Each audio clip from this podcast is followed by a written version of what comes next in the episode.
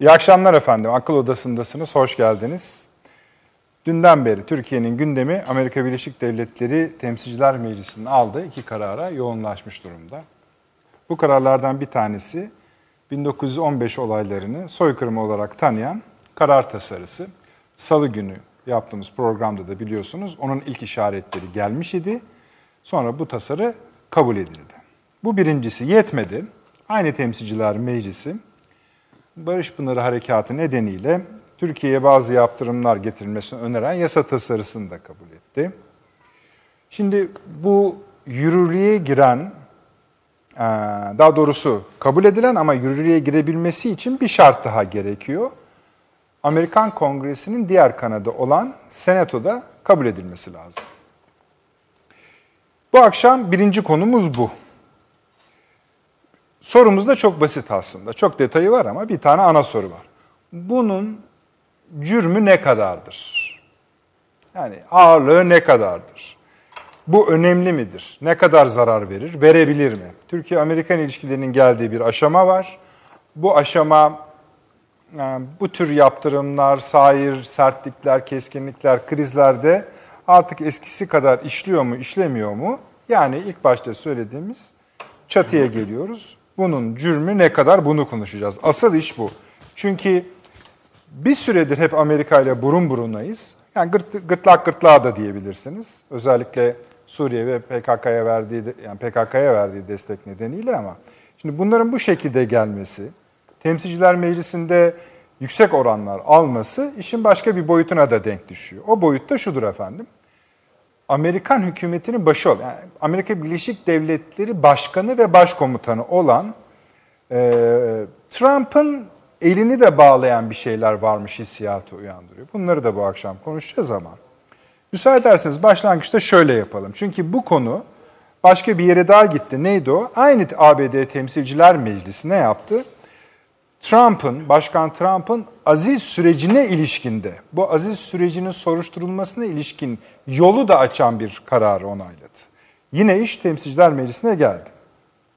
Şimdi tasarıların yasalaşması için başka bir şey gerekiyor mu? Evet gerekiyor. Amerika Birleşik Devletleri Başkanı'nın onayı. Bu olmadan olmuyor mu? Hayır, bu olmadan da olabiliyor. Onun şartı da şu efendim. Temsilciler Meclisi ve Senato'da yüksek miktarda oyla kabul edilmeleri, ezici miktarda oyla, en az üçte iki çoğunlukla kabul edilmiş olmaları. Şimdi bu rakamlar bunları da işaret ediyor. Doğal olarak iş hani başkanın kaleminden şöyle de düşünebiliriz çünkü. Başkan Trump belki Türkiye'yi kayırır vesaire. Hayır onun olup olmayacağını da bilmiyoruz. Ama iş anlaşılıyor ki Amerikan sistemine ilişkin bu akşam biraz konuşacağız. Diğer konuları şimdi arz edeceğim. Ama önce şu sistemi bir hatırlatmakta fayda var. Çünkü Amerika'nın nasıl yönetildiğine, organizasyon şeması diyelim, bir karışıklık var Türkiye'de. Amerikan Kongresi tek başına bir şey sayılıyor mesela. Öyle zannediliyor. Amerikan Kongresi'nin şu kadar üyesi var deniyor. Halbuki öyle bir şey yok. Çok kısaca, arkadaşlar grafik hazırsa verelim bir numaralı grafiğimizi. Şimdi bakın efendim bu gördüğünüz, yabancı dilde olmasını hiç önemsemeyin. Şimdi alt taraf kabine efendim, başkan ve kabine. Buna ihtiyacımız yok. Yukarıda üç tane, sol tarafta Amerikan Kongresi var, orta tarafta Beyaz Saray var, sağ tarafta da Yüksek Meclis var. Alt tarafa atalım arkadaşlar. O bizi şu anda ilgilendirmiyor. İleri safhalarda gerekirse. Bakacağız. İki numarayı verelim. Şimdi iki numarada gördüğünüz efendim aynı üçlüdür. Yani sol tarafta Amerikan Kongresi, ortada Beyaz Saray, sağ tarafta da e, federal mahkeme ya da yüksek mahkeme ya da onların değişili Supreme Court. Şimdi onu da atalım arkadaşlar. Baş başa kalsın. Tamam harika. İşte bütün yaşananlar şu anda Amerikan iç siyasetine de bağlasanız, dış siyasetine de bağlasanız, Türkiye'ye de bağlasanız bu iki kurum. Sol tarafta Amerikan Kongresi, sağ tarafta da Beyaz Saray. Gelelim kongreye şimdi, son kareye arkadaşlar. Orada da işte iki kanada ayrılıyor. Aşağıda görüyorsunuz. Senato ve sağ tarafta da Temsilciler Meclisi. The House of Representatives. E, Temsilciler Meclisi'nin 435 üyesi var. Senato'nun 100 üyesi var. Şu anda tabii koltukların hepsi dolu olmayabilir. Benim hatırladığım Temsilciler Meclisi'nin iki eksiği var ama genel tablo budur. Bütün işi çeviren buradaki parlamenterler. Hepsi de demokratlar ve cumhuriyetçilerden oluşuyor. Aldık arkadaşlar. Şimdi bu e, basit grafikler öyle söyleyelim. Bundan sonra önümüze sık sık çıkacak tartışmaları. Yani demin dedik ya mesela bilmiyorduk. Başkan Trump'ın önüne gelecek deyip konuyu geçiyoruz. Ama gelmeyebilir. Çünkü rakamlar onu gösteriyor. Üç tane konudan bahsettik. Bir, 1915 olayları, sözde Ermeni soykırımının tasarısının kabul edilmiş olması. 35 yıl, 40 yıldan sonra belki konuşacağız. Yetmedi işte Barış Pınarı harekatıyla bize yeni yaptırımlar getiriyor olmaları. Nihayet bizatihi kendi başkanlarına yönelik girişimler. Bu akşamın birinci konusu bu. İkinci konu efendim, yeni bir dalga diyebiliriz. Bunun ismi yok. Arap Baharı gibi değil bu. Bolivya, İspanya, Şili, Honduras, Haiti, Ekvador, Hong Kong, Irak, İran, Suriye, İsrail. Bakın İsrail. İspanya, İtalya, Azerbaycan, Pakistan, Afganistan. Bu ülkelerin her, bin, her birinde şu anda çeşitli derecelerde anomaliler yaşanıyor. Bir rüzgar var. Bunların nasıl bir bütünlük içinde olduğunu bilmiyoruz. Saymıyoruz ama Hindistan mesela e, Keşmir bölgesinin bölündüğünü ilan etti. Çin'de hayır öyle bir şey yapamazsınız dedi. Şimdi bu büyük kriz ama bunu saymıyoruz bile.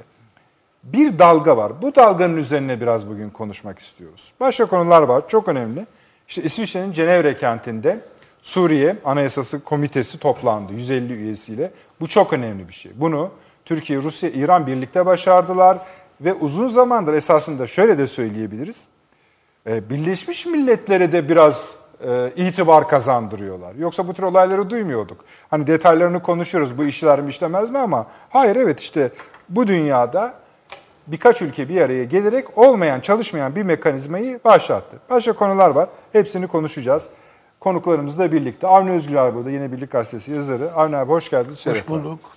Profesör Doktor Mehmet Akif Okur hocam burada. Yıldız Teknik Üniversitesi öğretim üyesi. Hocam eksik olmayınız. Ayağınıza sağlık. Ankara'da Profesör Doktor Taşansu Türker, Türker var Mülkiye'den. Hocam beni duyuyor musunuz? Duyuyorum Nedret Bey. Hoş geldiniz. Efendim programımızın biraz ilerleyen bölümünde de Emekli Hava Pilot Tüm General Beyazıt Karataş Bey bize katılacak. Bir seri sorumuz olacak ona. Hem bunlarla ilintili, başta tabii harekatla da ilintili, hem de bu siyasi gelişmelerle ilgili o da bize katılacak İzmir'den. Yani çok şehirli bir yayın yapıyoruz aslında Avni abi. Ankara, İstanbul, İzmir. Üç büyük şehirden. Peki. Abi arzu edersen şeyden başlayalım. Ee, tasarılardan. Kabul edilen tasarılardan. Yani soykırım iddiası ile alakalı. Diğer yaptırımlar meselesi ayrı. Yani tamam. o konular onu konuşuruz. Öncelikle şunu söylemek lazım. Yani 1915 diye başlasak olmaz. Ee, Selçuklu'dan itibaren Anadolu'da Türk-Ermeni ilişkilerinden söz ederiz. Ee, ve iki halk arasındaki ilişkiler ve tabii devlet yönetimleri, yani Ermeni prensliğidir, krallık gibi işte onun ama Selçuklu Devleti arasındaki ilişkiler filan gayet iyidir. Hatta o kadar ki yani e, kral öldükten sonra yerine kızı kalmış. E, siz asil bir milletsiniz. Yani pre, şey veliahtlarından, şeylerinden, şehzadelerinden birini ver de ben evleneyim diye şey yapıyor. Hangisini istiyorsunuz diyor. Ermenistan krallığından şeye Selçuklu'ya, Konya'ya ressam geliyor.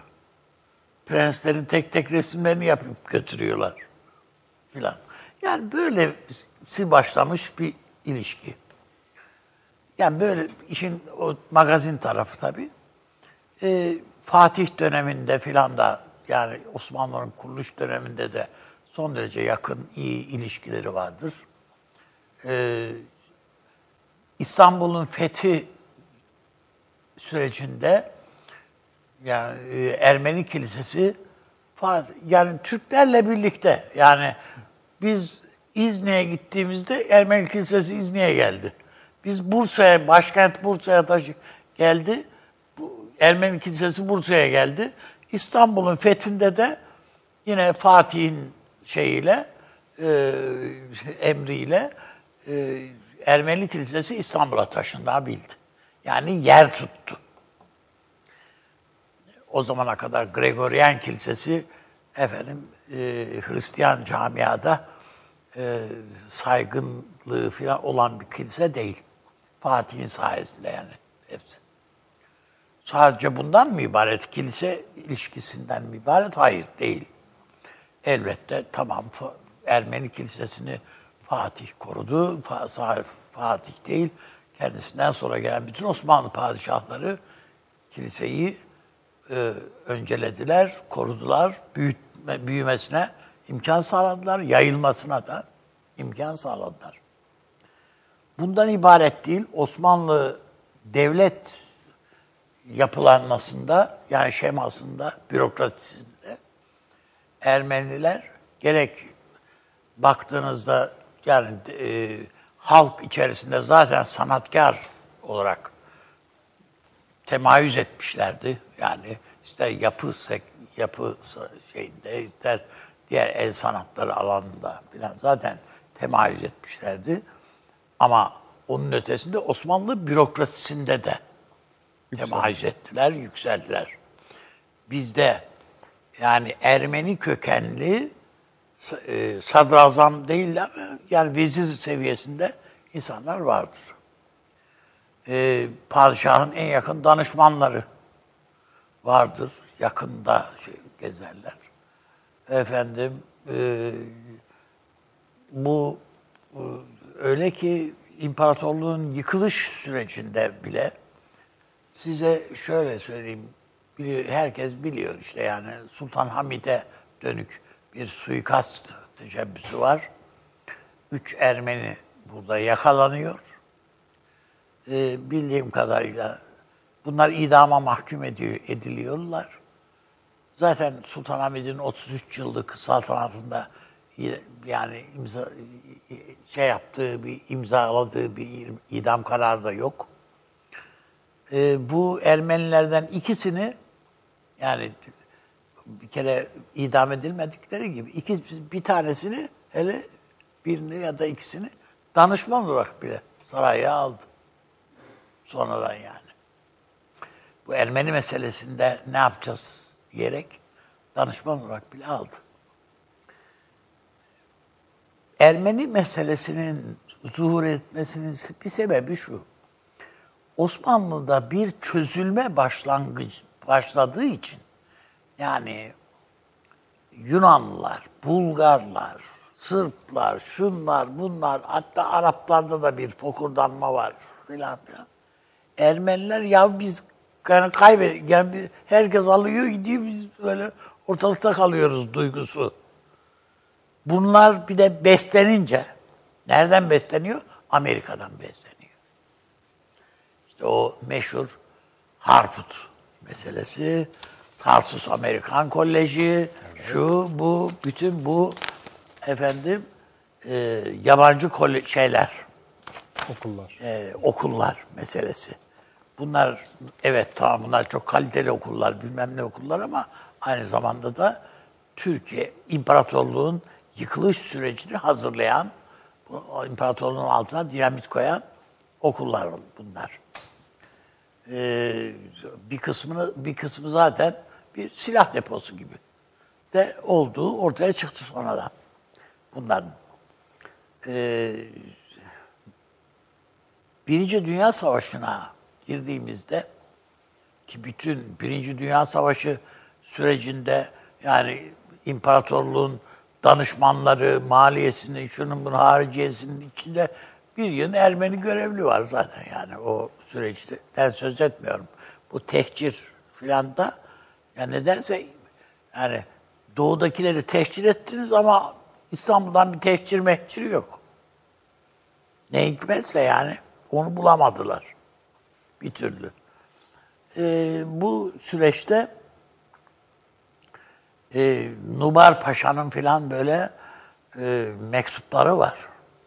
E, Birinci Dünya Savaşı'ndan sonra bu Sevr Anlaşması müzakereleri filan filan yapılırken mektupları var. Diyor ki yani 40 bin Ermeni sizler için çarpıştı diye mektubu var. adam. Tamam Sizler için çarpıştı. Osmanlı içe, Osmanlı'ya yazmıyor bunu. Fransızlara yazıyor. Sizin için çarpıştık. Yani bir şekilde kendi vatandaşı olduğu devlete ihanet ettiğinin belgeleri var hepsinin. Bunlar. Teferruatı ayrı, onları konuşuruz. Bir soykırım olduğu vakit bir yerde, hocam da bilir, yani Taşan Hoca da, yani hepimiz biliriz. Yani işte Bosna'da en sonunda gördük değil mi? Bir toplu mezar olur bir yerde, bir şey olur. Bir milyon, er, bir buçuk milyon Ermeni öldü, katledildi diyorlar. Değil mi? Nerede? Sayısı sürekli artmış. Habire artırıyor, evet doğru değil mi? Yani bu 1918 diyorlar. Ya bir Britannica'da yerde- 600 bin. Evet. Yeni Kaçta baskıda 600 bin? 1918'de Britannica Ansiklopedisi'nde 600 bin. bin yazar. Sonra 1,5 milyona çıktı. Yani, tabii, yani işte tabii yani. zaman geçince ürüyor tabii filan diye belki. Şu bir yerde de bir toplu mezar olsun kardeşim. Hani öldü, Ermeniler tarafından öldürülmüş, katledilmiş Türklere ait e, Mezarlar kısmi çıkıyor. toplum toplu mezarlar Evet, var. evet. Ama bu süreçte katledilmiş Ermenilere ilişkin bir toplu mezar falan yok. Daha ötesi tamam yani e, hepimiz biliriz ki e, bir kısmı vicdanları da sızlatan o boğazlayan kaymakamı filan hikayeleri de var. Tamam. Yani Osmanlı bu tehcir sürecinde eziyet ettikleri, insanlara zulmettikleri için yargıladığı kişiler var. İdama mahkum ettiği kişiler var. Türkler var.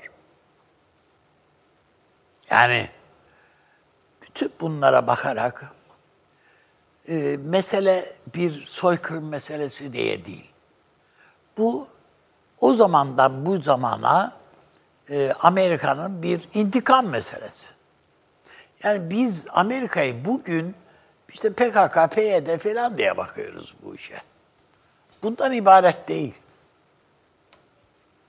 Yani Birinci Dünya Savaşı'nda dikkat edin mesela Fransızlar bir süre asıldılar. İşte bu Antep'ti, Anta, Güney Anadolu'da falan asıldılar. Baktılar ki olmuyor yani tutmuyor. Bir anlaşma imzaladılar, çektiler gittiler. E, aynı şey İtalyanlar için geçerli. Ruslarla zaten biz hemen an, an, anlaşma yaptık. Bir dayanışma falan, falan oldu. Almanlar zaten yok ortalıkta yani biz itti- ittifak halindeydik. Tehcir fikri de onların fikridir. Tamam mı? Yani Osmanlı Genelkurmay Başkanı ya adam. Daha ne olsun yani. Ee, tehcir, çünkü elimiz ayağımız bızı bağlıyor bunların isyanı. Bunları topluca gönderelim dediler. Diyenler Almanlar. Ona şimdi onun için Talat Paşa'yı öldürdüler biliyorsunuz. Bu yaptı diye. Falan. Evet. Yani soytarlığın haddi hesabı yok. Ama hepsinin arkasında Amerika var. Bunu Türkiye'ye dönük kinin temelinde, altında neler var, neler yok diye bunlara bakmamız lazım. Bu e, protestan e, yapılanmasını, Amerikan siyasetinde şimdi mesela bu evangelizm falan konuşuyoruz. O zaman başka bir şey var.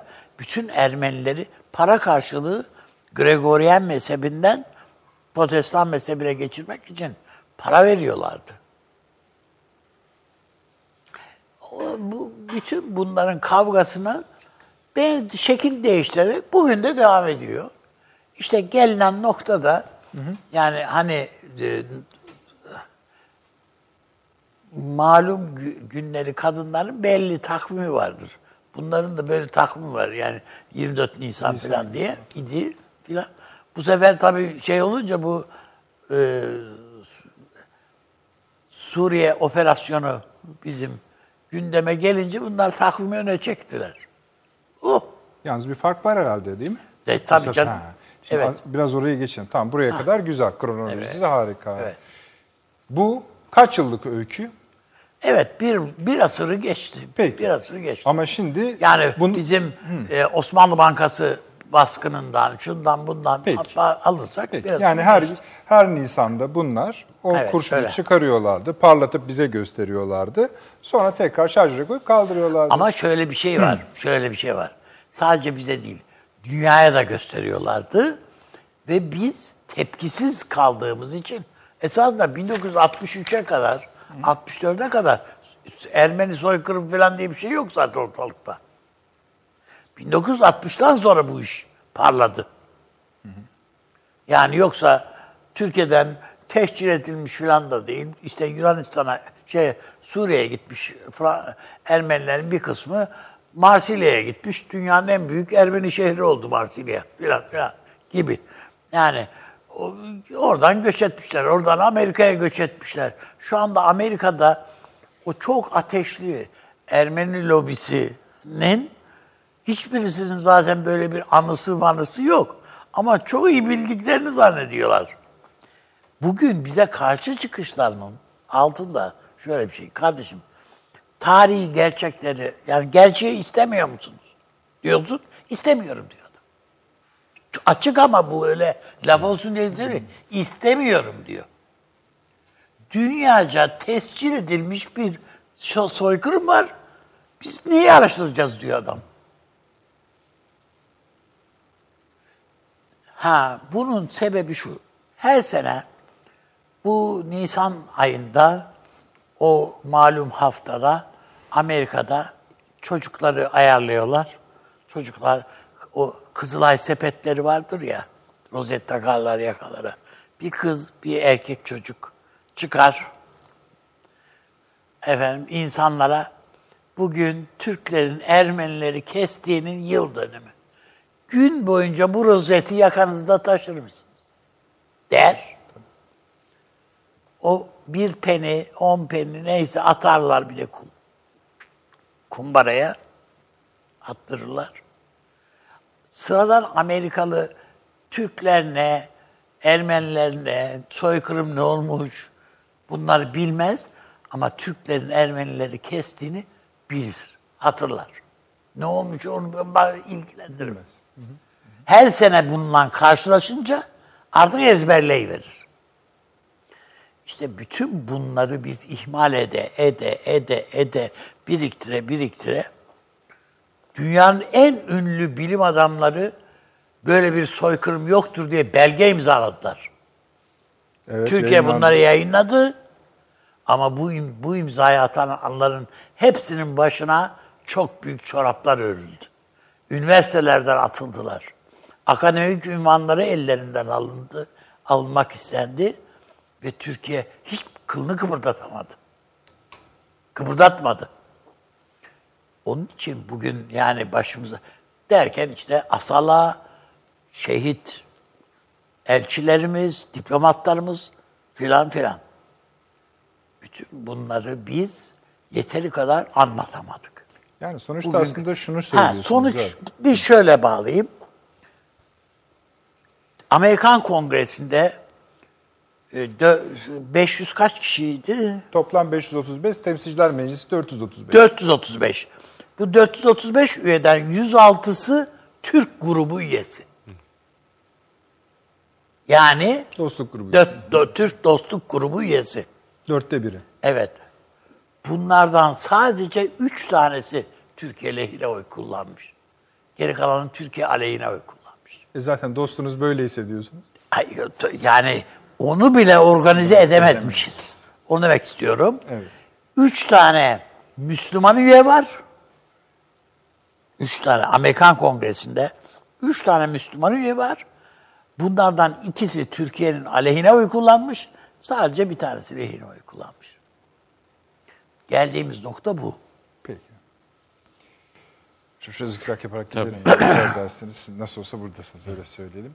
Taşansı Hocam, şimdi Avni Bey bir safahat anlattı. Bu safahatın bugün bağlandığı noktayı da anlattı. Hatta son cümlesinde eh biz de yani biraz bunların önüne geçebilirdik Geçebilirdik demiyorum Demiyorum. yani. Tamam hani mücadele daha iyi edilebilirdi diyebilir miyiz? Öyle mi? Tabii, söyleyeyim? tabii, Tamam tabii, tabii. peki. Şimdi bu konuda söylemek istedikleriniz başımız üstüne. Onları dinleyelim. Hay hay. Fakat ben şunu merak ediyorum. Bakın Ermeni soykırım tasarılarının Türkiye-ABD ilişkilerini haftalarca hatta aylarca kilitlemesi ve uzun çekişmelerden yaşanan sarsıntılardan sonra her seferinde bu tasarıların püskürtülmesi geçen 35 yıl boyunca genel bir kalıp olarak karşımıza çıktı. Mesela Sedat Ergin'in yazısından okudum bu bölümü. Şimdi Avni Bey de diyor ki yani aslında bunlar hani ne dedi? Tarihi gerçekleri istemiyoruz. Neden istemiyorlar? Böyle iyi. Türkleri rahat rahat dövebiliyorlar çünkü her sene her sene. Ama şimdi bu kurşun atıldı ve gitti. Sonuçlarına bakacağız. Sonuçlarını siz de, sizde de soracağım. Ne olur bu iş nereye varır diye ama işte bu kurşun artık kullanıldı. Bir de o boy- boyutu var. Buyurunuz. Ee, Efendim evet kurşun e, kullanıldı e, ve kurşun canımızı yaktı. Şimdi bir defa bu gerçekle yüzleşmemiz gerekir her şeyden evvel. Bu e, kesinlikle yaktı. yani peki. şöyle yaktı. E, hiç ya bu manevi olarak bile böyle bir iddianın e, bir mecliste dile getirilmiş olması hangi mecliste olursa olsun her seferinde benim canımı yakmıştır. Hepimizin de canını yakmalı. Ee, Şimdi Avni Bey aslında çok e, doğru bir yerden başlattı. Ben izninizle aynı yerden devam etmek istiyorum. Büyük İngiliz tarihçi Eric Hobsbawm e, der ki, bütün aşırıcı ideolojiler der, tarihi malzeme olarak kullanmak zorundadır. Eğer der bir aşırıcı ideoloji eroin olarak kabul ediyorsak bunun ham maddesi olan haşhaş da bizzat tarihtir. Dolayısıyla tarihsel gerçeklikler hakikat çarpıtılarak ancak aşırıcı ideolojilere meşruiyet sağlanır. Şunu unutmayalım. Ee, Ermeni milliyetçiliği hiçbir zaman e, bizim e, işte özgün vatandaş yaratan dolayısıyla e, vatandaşlarına doğru düzgün bir yaşam sunan bir milliyetçilik halini alamadı. Hep o devrimci yanı tırnak içinde onunla beraber yaşadı ve aşırıcı olarak kaldı. Ve bu aşırıcılık e, var olmak için de Türk düşmanlığını e, kullanmak zorunda ve burada da bir Ermeni soykırımı iddiasıyla var olmak durumunda. Ancak bu baştan beri böyle değil. Ee, Biraz önce Avni Bey de söyledi. Ee, 1960'lı yıllarda bu Sovyetler Birliği'nin imalatı olarak karşımıza çıktı ilk kez Ermeni soykırımı kavramı. Daha öncesinde böyle bir kavramla karşılaşmıyoruz hiçbir yerde. Yani Ermeni sorunu vardır, Ermeni milliyetçiliği vardır, Ermenilerle Türklerin sıkıntıları vardır. Ee, Nasıl ki Doğu Avrupa'da, Orta Avrupa'da, bizim Osmanlı coğrafyasında, Avusturya Macaristan İmparatorluğu coğrafyasında, Rusya İmparatorluğu coğrafyasında bu tarz spontane kavimler arası, kimlikler arası mücadele varsa, rekabet varsa bunun gibi bir şeydi. Ancak an- ancak 60'lı yıllardan sonra bir soykırım iddiası olarak karşımıza çıktı ve burada biraz önce Hobsbawm'dan verdiğim örnek çerçevesinde bir ham madde olarak kullanıldı. Şimdi bu işin bir siyasi tarafı var, bir de tarihsel tarafı var. Şimdi tarihsel tarafı başka, siyasi tarafı başka. Bunları ayırt etmek zorundayız. Şimdi birincisi bir defa bir meclisin tarihsel bir konu hakkında sanki bir kongredeymiş gibi karar alması, bir tarih kongresindeymiş gibi zaten absürt. Yani neresinden tutsanız bu olacak bir şey değil. Yani e, hiç kusura bakmasınlar Indiana'daki mısır tarlalarından gelmiş bir adam tutacak nerede olduğunu bilmediği iki tane kavim hakkında bu kadar ağır bir suçlamada bulunan bir tasarı hakkında oy kullanacak. Yani böyle bir şey yok. Ya bir defa buna sinirlenme hakkımızı, bu konuda yüksek sesle konuşma hakkımızı kimse elimizden alamaz. Biz de kendimizi hatırlatmak zorundayız. Benim birebir yaşadığım e, bir şeydir. Toprağı bol olsun. Daha önce birkaç kere daha sizin programlarınızda bahsettim. Profesör Norman Stone 2008 yılında İsviçre'de e, buna benzer bir kanun tasarısı meclisten geçtiği zaman onun o yüzündeki kızgınlığı Türk değil bu adam. Bu adam Türk dostu olduğu için de değil sadece ve sadece hakikate bağlı bir tarihçi olduğu için o yüzündeki kızgınlığı çok iyi hatırlıyorum. Ve bir şeyler yapmalıyız demişti. Ve Ankara'da nasıl koşuşturduğunu da hatırlıyorum. İsviçre'ye gidip bununla mücadele etmek için. Yani çünkü bu e, hiçbir şey olmadı. Hakikatle bu kadar e, açık seçik oynanması e, hepimizin bir defa sadece ve sadece hakikate olan inancımızdan dolayı vicdanımızı rahatsız etmelidir. Şimdi işin tarihi boyutuna bakacak olursak her şeyden evvel e, bu imparatorluk coğrafyalarında kavimler yer değiştirir. Bunların arasında rekabetler olur Ve yine Norman Stone'a referans vererek söyleyeyim. O çok kısaca şöyle söylemişti Guardian'a verdiği bir mülakatta. İmparatorluklar yıkılırken böyle şeyler olur. Nedir böyle şeyler? İnsanlar evsiz kalır. İnsanlar yer değiştirir. Yani toplumsal mobilizasyon değildir bu. Yani kaçınılmaz olarak oluşan şeylerdir. Şöyle soralım. Hiçbir şey olmadı mesela. Dedik biraz önce 1960'lı yıllarda Sovyetler Birliği'nin imalatıdır bu soykırım kavramı diye. Ee, Rusya Federasyonu, Rusya İmparatorluğundan göç eden Çerkezler e, bugün Ürdün'de hala kraliyet muhafız alayı olarak yaşıyorlar. İsrail ordusunda yaşayan e, subay olan Çerkezler var. Bu adamlar ne arar orada? Ve bunların pek çoğunun Tuna bölgesinden bu, böl bu bölgelere yine Rusya'nın baskısıyla göç ettirildiğini hatırlayalım. Aynı şekilde Doğu Avrupa'ya baktığınızda Çekya'da, Slovakya'da, Almanya'nın e, Polonya'ya yakın bölgelerindeki nüfus hareketlilikleri 19. yüzyılın sonunda 20. yüzyılın başında olmuştur. Bunlar kaçınılmaz olarak imparatorluklar dağılırken ya da sınırlar değişirken ulaşabilecek şeyler. Ancak bunu tutup da bir soykırım adıyla anmak çok çok başka bir şey. Soykırım dediğimiz kavram efendim yeni bir kavram. Yani insanlık var olduğundan beri birbirini soykırımla suçlamıyordu. Soykırım kavramı bir tane kavramdan çıktı o da Holokost'tur. Ancak İkinci Dünya Savaşı'nda Yahudi soykırımı kavramıyla beraber hukuki bir e, hüviyete büründü ve terminolojik olarak da e, bilim adamlarının tarihteki bir olayı, bir olayı, tekil olayı tanımlamak için kullandıkları bir kavram haline aldı. Şimdi bu da işin tarihsel vakanın bir kenarından tutup e, işin siyasete bulaşmasıdır. Osmanlı'da baktığınız zaman en geç e, milliyetçilik hareketidir. Ermeni milliyetçiliği Balkan milliyetçiliklerinden sonra e, ve en geç olmanın verdiği en şiddet olanı e, hüviyetine de sahip olmuştur. E, mesela bir Sırp milliyetçiliğine baktığınızda, Bulgar, Makedon milliyetçiliklerine baktığınızda bu kadar şiddet olmadığını görürüz 20. yüzyıl başında, 19. yüzyıl sonunda şiddetle, devrim fikriyatıyla ve terörle hemhal olmuş bir milliyetçilik düşüncesinden bahsediyoruz bu çerçevede. Ancak buna rağmen Osmanlı toplumunun içerisinde de e, Ermeni e, cemaatinin bir şekilde Osmanlı kültürüne ne kadar katkı yaptığını da hatırlamak durumundayız. Yani Avni Bey bahsetti biraz önce mesela işte e, benim için çok önemli şahıslardan bir tanesidir. Astik Bey diye geçer. Asatur e, Habancıyan e, bizim e, Türk musikisini derleyen kişidir. E, ve Said Halim Paşa'nın himayesinde. Ve unutmayalım Said Halim Paşa da bir Ermeninin suikasti sonucu hayatını kaybetmiştir. Yani bu karmaşık şey ilişkiler ve bu karmaşık ilişkiler bu coğrafyada Amparson Hoca var. Tamam dinliyoruz hocam devam edin. ben duy- çok af- Devam edin.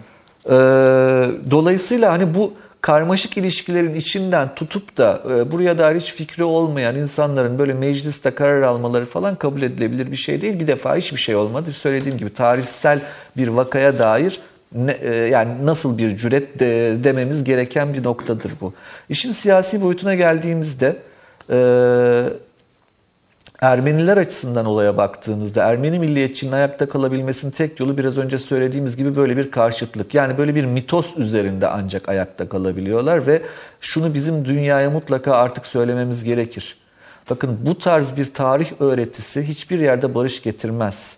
Böyle bir şey olamaz. Yani o Ermeni tarih kitaplarına şöyle bir göz atsanız zaten ne kadar korkunç olduğunu görürsünüz. Ee, böyle bir agresif, saldırgan, barış düşmanı bir yaklaşım, tarih öğretisinin desteklenmesi de gerçekten insanlık adına suçtur bence. Ee, bunu mutlaka söylememiz gerekir. Diğer bir önemli husus bu noktada işin siyasi kısmında ee, bu işte e, Holocaust örneğini verdim tekildir diye. Yani tek bir örnek olarak Yahudi soykırımı kavramı. Şimdi bu noktada buralara gelene kadar aslında e, Almanya bu konudan çok rahatsızdır biliyorsunuz her zaman için. Ya yani 1945'ten beri e, nasıl söyleyelim işte yumuşak karnıdır. Yani Almanya'ya e, ne derseniz deyin bir yerde Holocaust'u hatırlattığınızda o e, ciddi derecede can yakar. Ee, burada her kabahatlinin, her suçlunun ortak özelliğidir kendine ortak arar. Bu kavramı yani Holocaust kavramını bir şekilde başka benzerleriyle beraber gündemde tutmak onun içini boşaltmaktır. Bunu da İsrail e, ve Amerika'daki Yahudi lobisi gayet iyi bilirdi. Yani kendi varlıkları için Holocaust kavramını önem atfederlerdi ve bunun tek olarak kalmasını isterlerdi. Şimdi siyaseten değişen en önemli şeylerden bir tanesi bu. Ve bu evet Türkiye daha iyi mücadele edebilirdi. Ee, Siz e, Avni Bey'in konuşmasından sonra son kullandığınız cümleydi bu. Aynen katılıyorum. Ancak bazı şeyleri de gerçekten yönetemediğimizi, yönetemeyeceğimizi de kabul etmemiz gerekir. Bu noktada İsrail'de ve İsrail'in desteklediği Amerika'daki Yahudi lobisinde de bir dönüşümün olduğunu görmemiz gerekiyor. Ee, şöyle söyleyelim, özellikle Netanyahu'nun bu uzun hükümet döneminde İsrail'deki siyasi dönüşüm, daha evrenselci olan bir Yahudi aklı yerine daha partikülerist, daha İsrail bağlamında bir Yahudi kimliğini e, öne çıkardığı için Holocaust kavramının tekilliği artık o Yahudi lobisi içinde çok önemli olmaktan çıkmaya başladı diye değerlendiriyorum ben. Bu noktada baktığımızda da e, bugüne kadar işte Ermeni soykırımı iddiaları konusunda önemli bir barikat oluşturan Yahudi lobisinde zaten Türkiye ile arasının açık olması siyasi bir gerekçedir ama bunun arkasını dolduran bir ideolojik e, akım olduğunu da tespit etmemiz gerekir. Ve Peki. şunu unutmayalım. Bu coğrafyada Doğu Akdeniz coğrafyasında ve Osmanlı tarihine baktığımızda üç tane unsurdur bunlar. Ee, Ermeniler, Yahudiler ve Rumlar. Bu üç unsur ancak Pax Ottomanica dediğimiz yani o Osmanlı barışı dediğimiz sistematiğin içerisinde, millet sistemi içerisinde yan yana ve barış içinde yaşayabilmiştir. O barış da göreceli bir barıştır. Yani öyle çok da kardeş kardeş yaşamadılar e, Osmanlı döneminde de. Bu rekabetin de artık ortadan kalkmaya başladığını bu güncel siyasi düzlemde herhalde e, tespit ediyor olmamız lazım. Peki buna rağmen bir şeyler yapılabilir miydi? E, evet yapılabilirdi. E, bu e, paternler devam ettirilebilirdi, çalışmalar devam ettirilebilirdi. E, hiçbir şey olmadı. Biraz önce e, stüdyoda Avni Bey de bahsetti. İşte Norman Stone'dan ben bahsettim. Bernard Lewis gibi bir tarihçi. E, bunlar bunların katkıları daha fazla ön plana çıkarılabilir ve çıkarmakta zorundayız. E, çünkü bu sadece ve sadece e, meclisten geçen, temsiller meclisinden geçen bir karar olarak kabul etmememiz gerekir.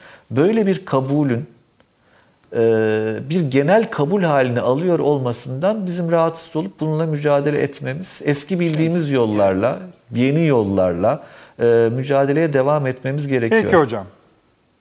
Şunu be, hocam çok doğru söyledikleri. Şunu sadece ekleyeyim. Rahmetle anıyorum. Gündüz Aktan hocamız. Evet evet.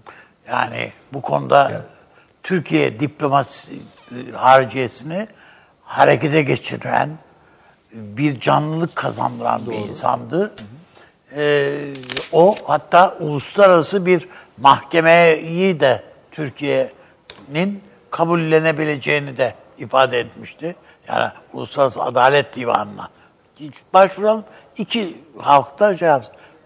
Onu da engellediler Ermeniler. O bakımdan yani ben Türkiye'nin bu mücadele, bu, bu işi ciddiye alması gerektiği kanaatindeyim. Yani burada e, altını çizeyim. Ben bu konuda e, Sayın e, Doğu Perinçek'in oğlu Mehmet Perinçek'in e, çok doğru, Çalışmaları var. güzel çalışmaları var. O ilk Ermenistan'ın ilk kurucu liderlerinin yaptıkları e, yayınların da biz Türklere ihanet ettik diyor adamlar. Yani kendi meclislerinde yaptıkları konuşma. Yani bunların bir şekilde e, uluslararası platforma şey ite kakada olsa çünkü kolay değil yani bunlara yer bulmak. Parayla pulla olacak işler değil çünkü bu işler bazen.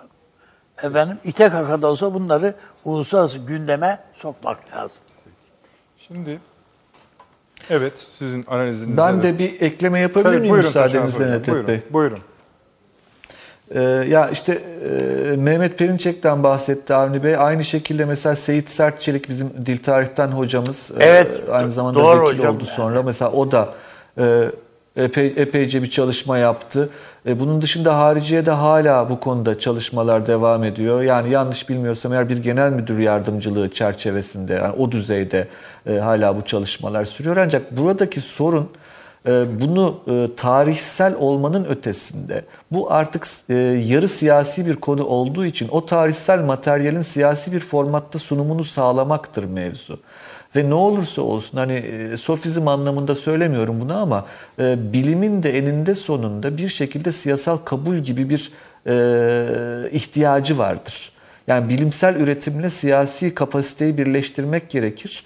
E, o çerçevede de zannediyorum hani biraz önce e, ismini zikrettiğim iki insan mesela Bernard Lewis e, ve Norman Stone bunların çalışmaları bunların nasıl etki yaratabildiği, yine Fransa'da aslında var bu tarz çalışmalar, e, bu tarz e, destek olabilecek insanlar. Rusya'da mesela işte Türkolojinin büyük babası kabul edilir e, Mihail Serafimovic Meyer ki çok tepki almasına rağmen onu göze alarak gazetelere açıklamalar yaptı. Böyle bir şey yoktur Ermeni soykırımı büyük bir yalandır diye.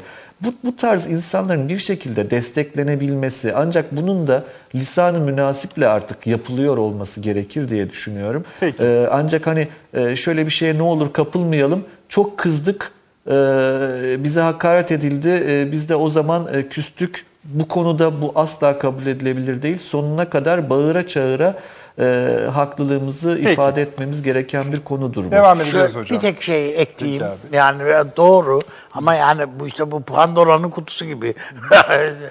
Hatırlayalım. Yani evet olayları hatırlayan çok az e, o- olmaz, mümkün değil.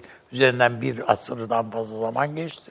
Ama yakın zamanda Türkiye Cumhuriyeti bu Hillary Clinton'ın Dışişleri Bakanlığı döneminde Ermenistan'ın kapısına dayanıyorduk değil mi? Yani gidip efendim e, Cumhurbaşkanını oraya götürmek, başbakanlar değil mi hatırladınız Evet, yani. evet. Zaten- yani, yani- alttan almanın da bir şeyi olmalı yani.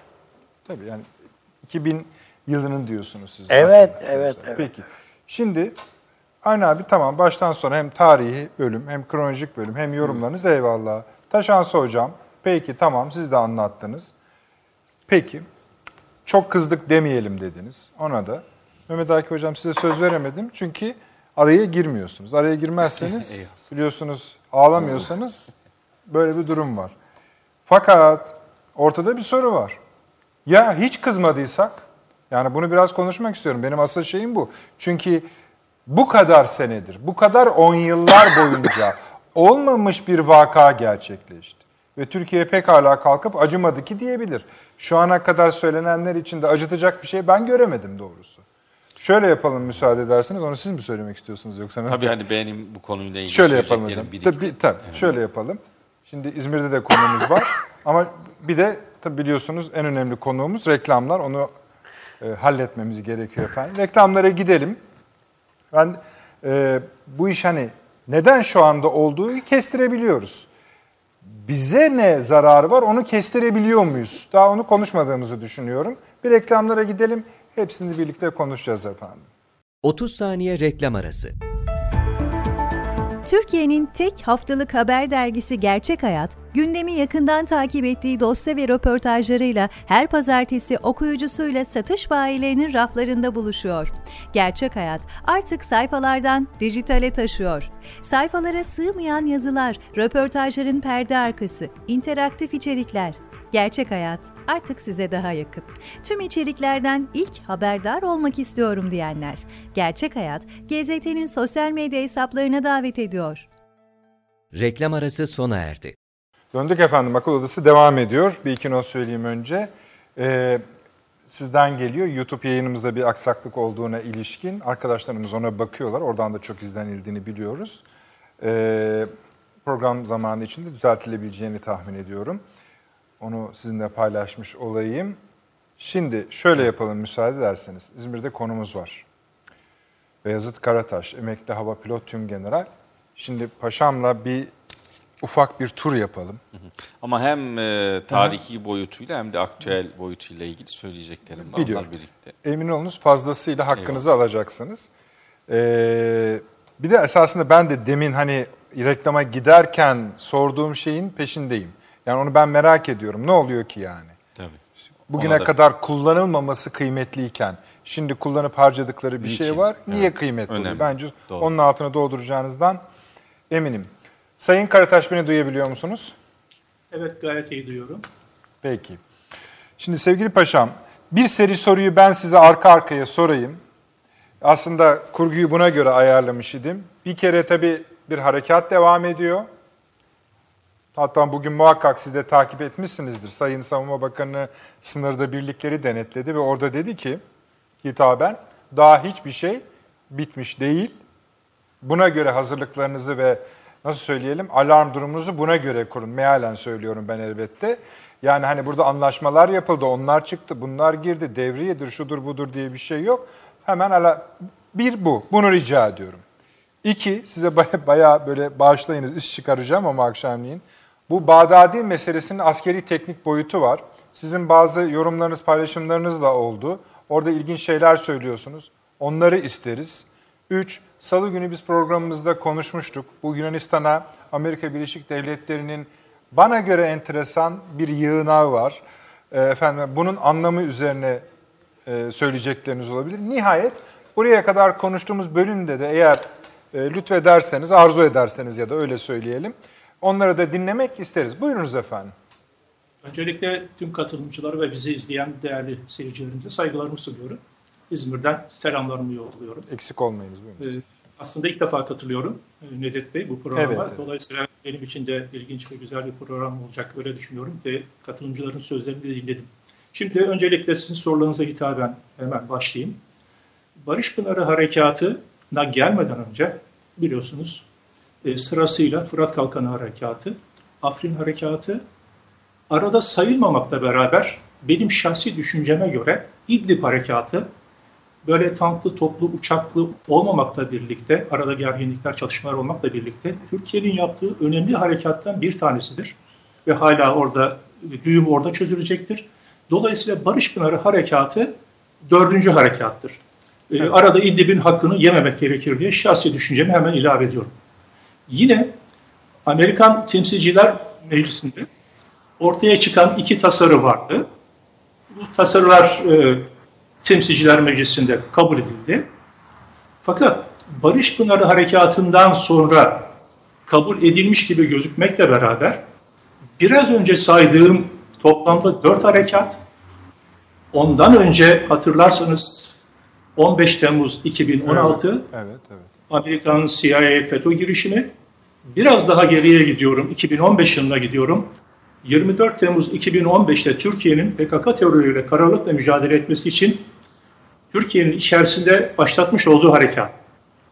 Şimdi bunların hepsini peş peşe koyduğunuz zaman Barış Pınarı Harekatı'na kadar gelen süreçte Amerika'nın neden kızdığını birazcık anlatmış oldum. Doğru. Hemen araya 2017 yılında Rusya'dan S-400 hava savunma füze sistemi alınmasını da eklediğimizde aslında Amerika Birleşik Devletleri'nin e, böyle arada devamlı tasarılar çıkartmakla uğraşırken hatta hatırlarsanız e, Amerika Birleşik Devletleri yapmış olduğumuz mutabakat çerçevesinde yine bu harekatı durdurduğumuzda Trump tarafından çıkartılan başkanlık kararnamesi de devre dışı kalacak denmişti. Trump zaten Temsilciler Meclisi'nin e, bu hamlesini kesmek için ağırlıklı olarak yapmıştı. Ve Amerikan seçimleri de bir yere koyuyor. Dolayısıyla ben e, bu Barış Pınarı Harekatı'yla devam eden süreçte ben şöyle bir e, tespitte bulunmuştum. Bir kere kesinlikle Türkiye'nin burada yapmış olduğu harekat her şeyin bittiği anlamına gelmiyor. Dördüncü harekat olarak söylüyorum. Rusya ile yapılan anlaşmayla beraber farklı bir boyutta devam edecek. E, Amerika Birleşik Devletleri ve terör örgütü PKK, PYD, YPG ise biraz daha güneye çekilerek petrol bölgeleri ağırlıklı olmak üzere Suriye'de varlığına devam edecek. Bu arada da anayasa çalışmaları devam ediyor. Dikkat ederseniz bu denklemin içerisinde Sayın Milli Savunma Bakanı'nın e, özellikle belirttiği gibi aslında bir e, askeri ikaz, askeri uyanıklık yani e, orada her şey düzgün gidiyor olabilir ama her an her şey olabilir anlamında bir nevi ikaz ederek yıllar içerisinde yani bakın birkaç yıldan bahsetmiyorum. Bu süreç belki onlarca yıl sürecek. Bu onlarca yıl süreceği için ben bu harekatların e, sonunu şöyle bağlayayım müsaade ederseniz. Birinci bölümünde Türkiye'nin soğukkanlı, sakin, diplomasiyi zaman zaman ön plana çıkartarak, zaman zaman diplomasiyi askeri gücüyle destekleyerek soğukkanlı bir şekilde bu süreci yönetmesinin çok uygun olacağını düşünüyorum. Ki zaten yeri geldiğinde de bunu yapmaya devam ediyor. Dolayısıyla şöyle bir cümlemle devam edeyim.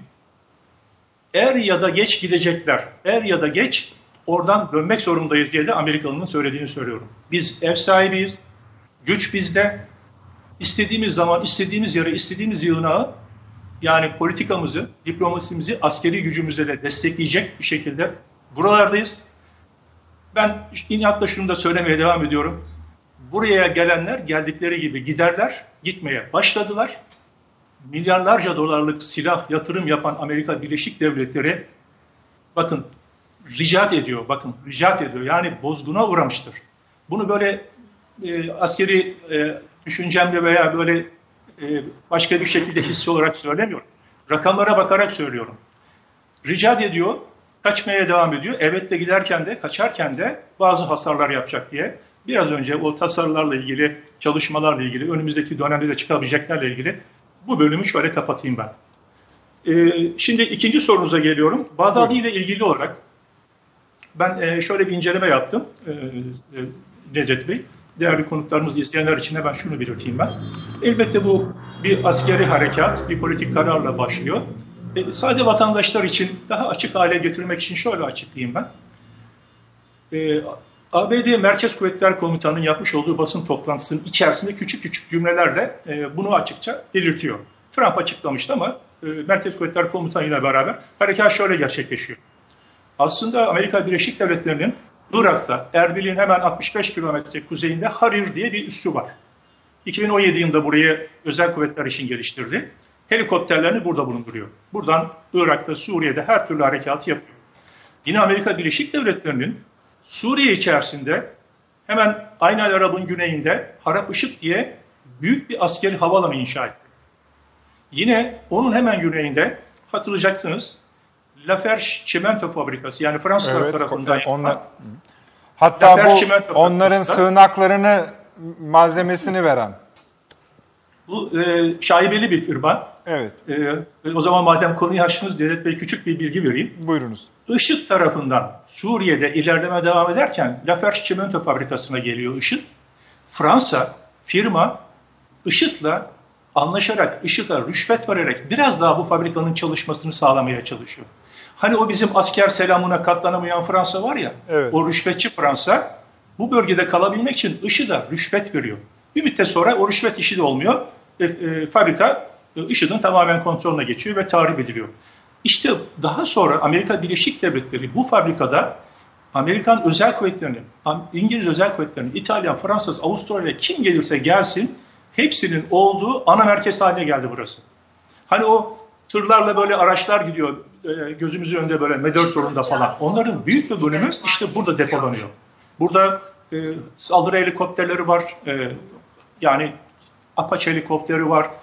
Sikorsky helikopteri var, Chinook helikopteri var, V-22 dediğimiz dikine inip kalkabilen uçakları var. Amerikan Özel Kuvvetleri'nin bütün operasyonlarını işte bu Laferge çimento fabrikasını geliştirerek kullanıyor. İşte Bağdadi ile ilgili olarak yapılan harekatta şöyle diyor CENTCOM komutanı.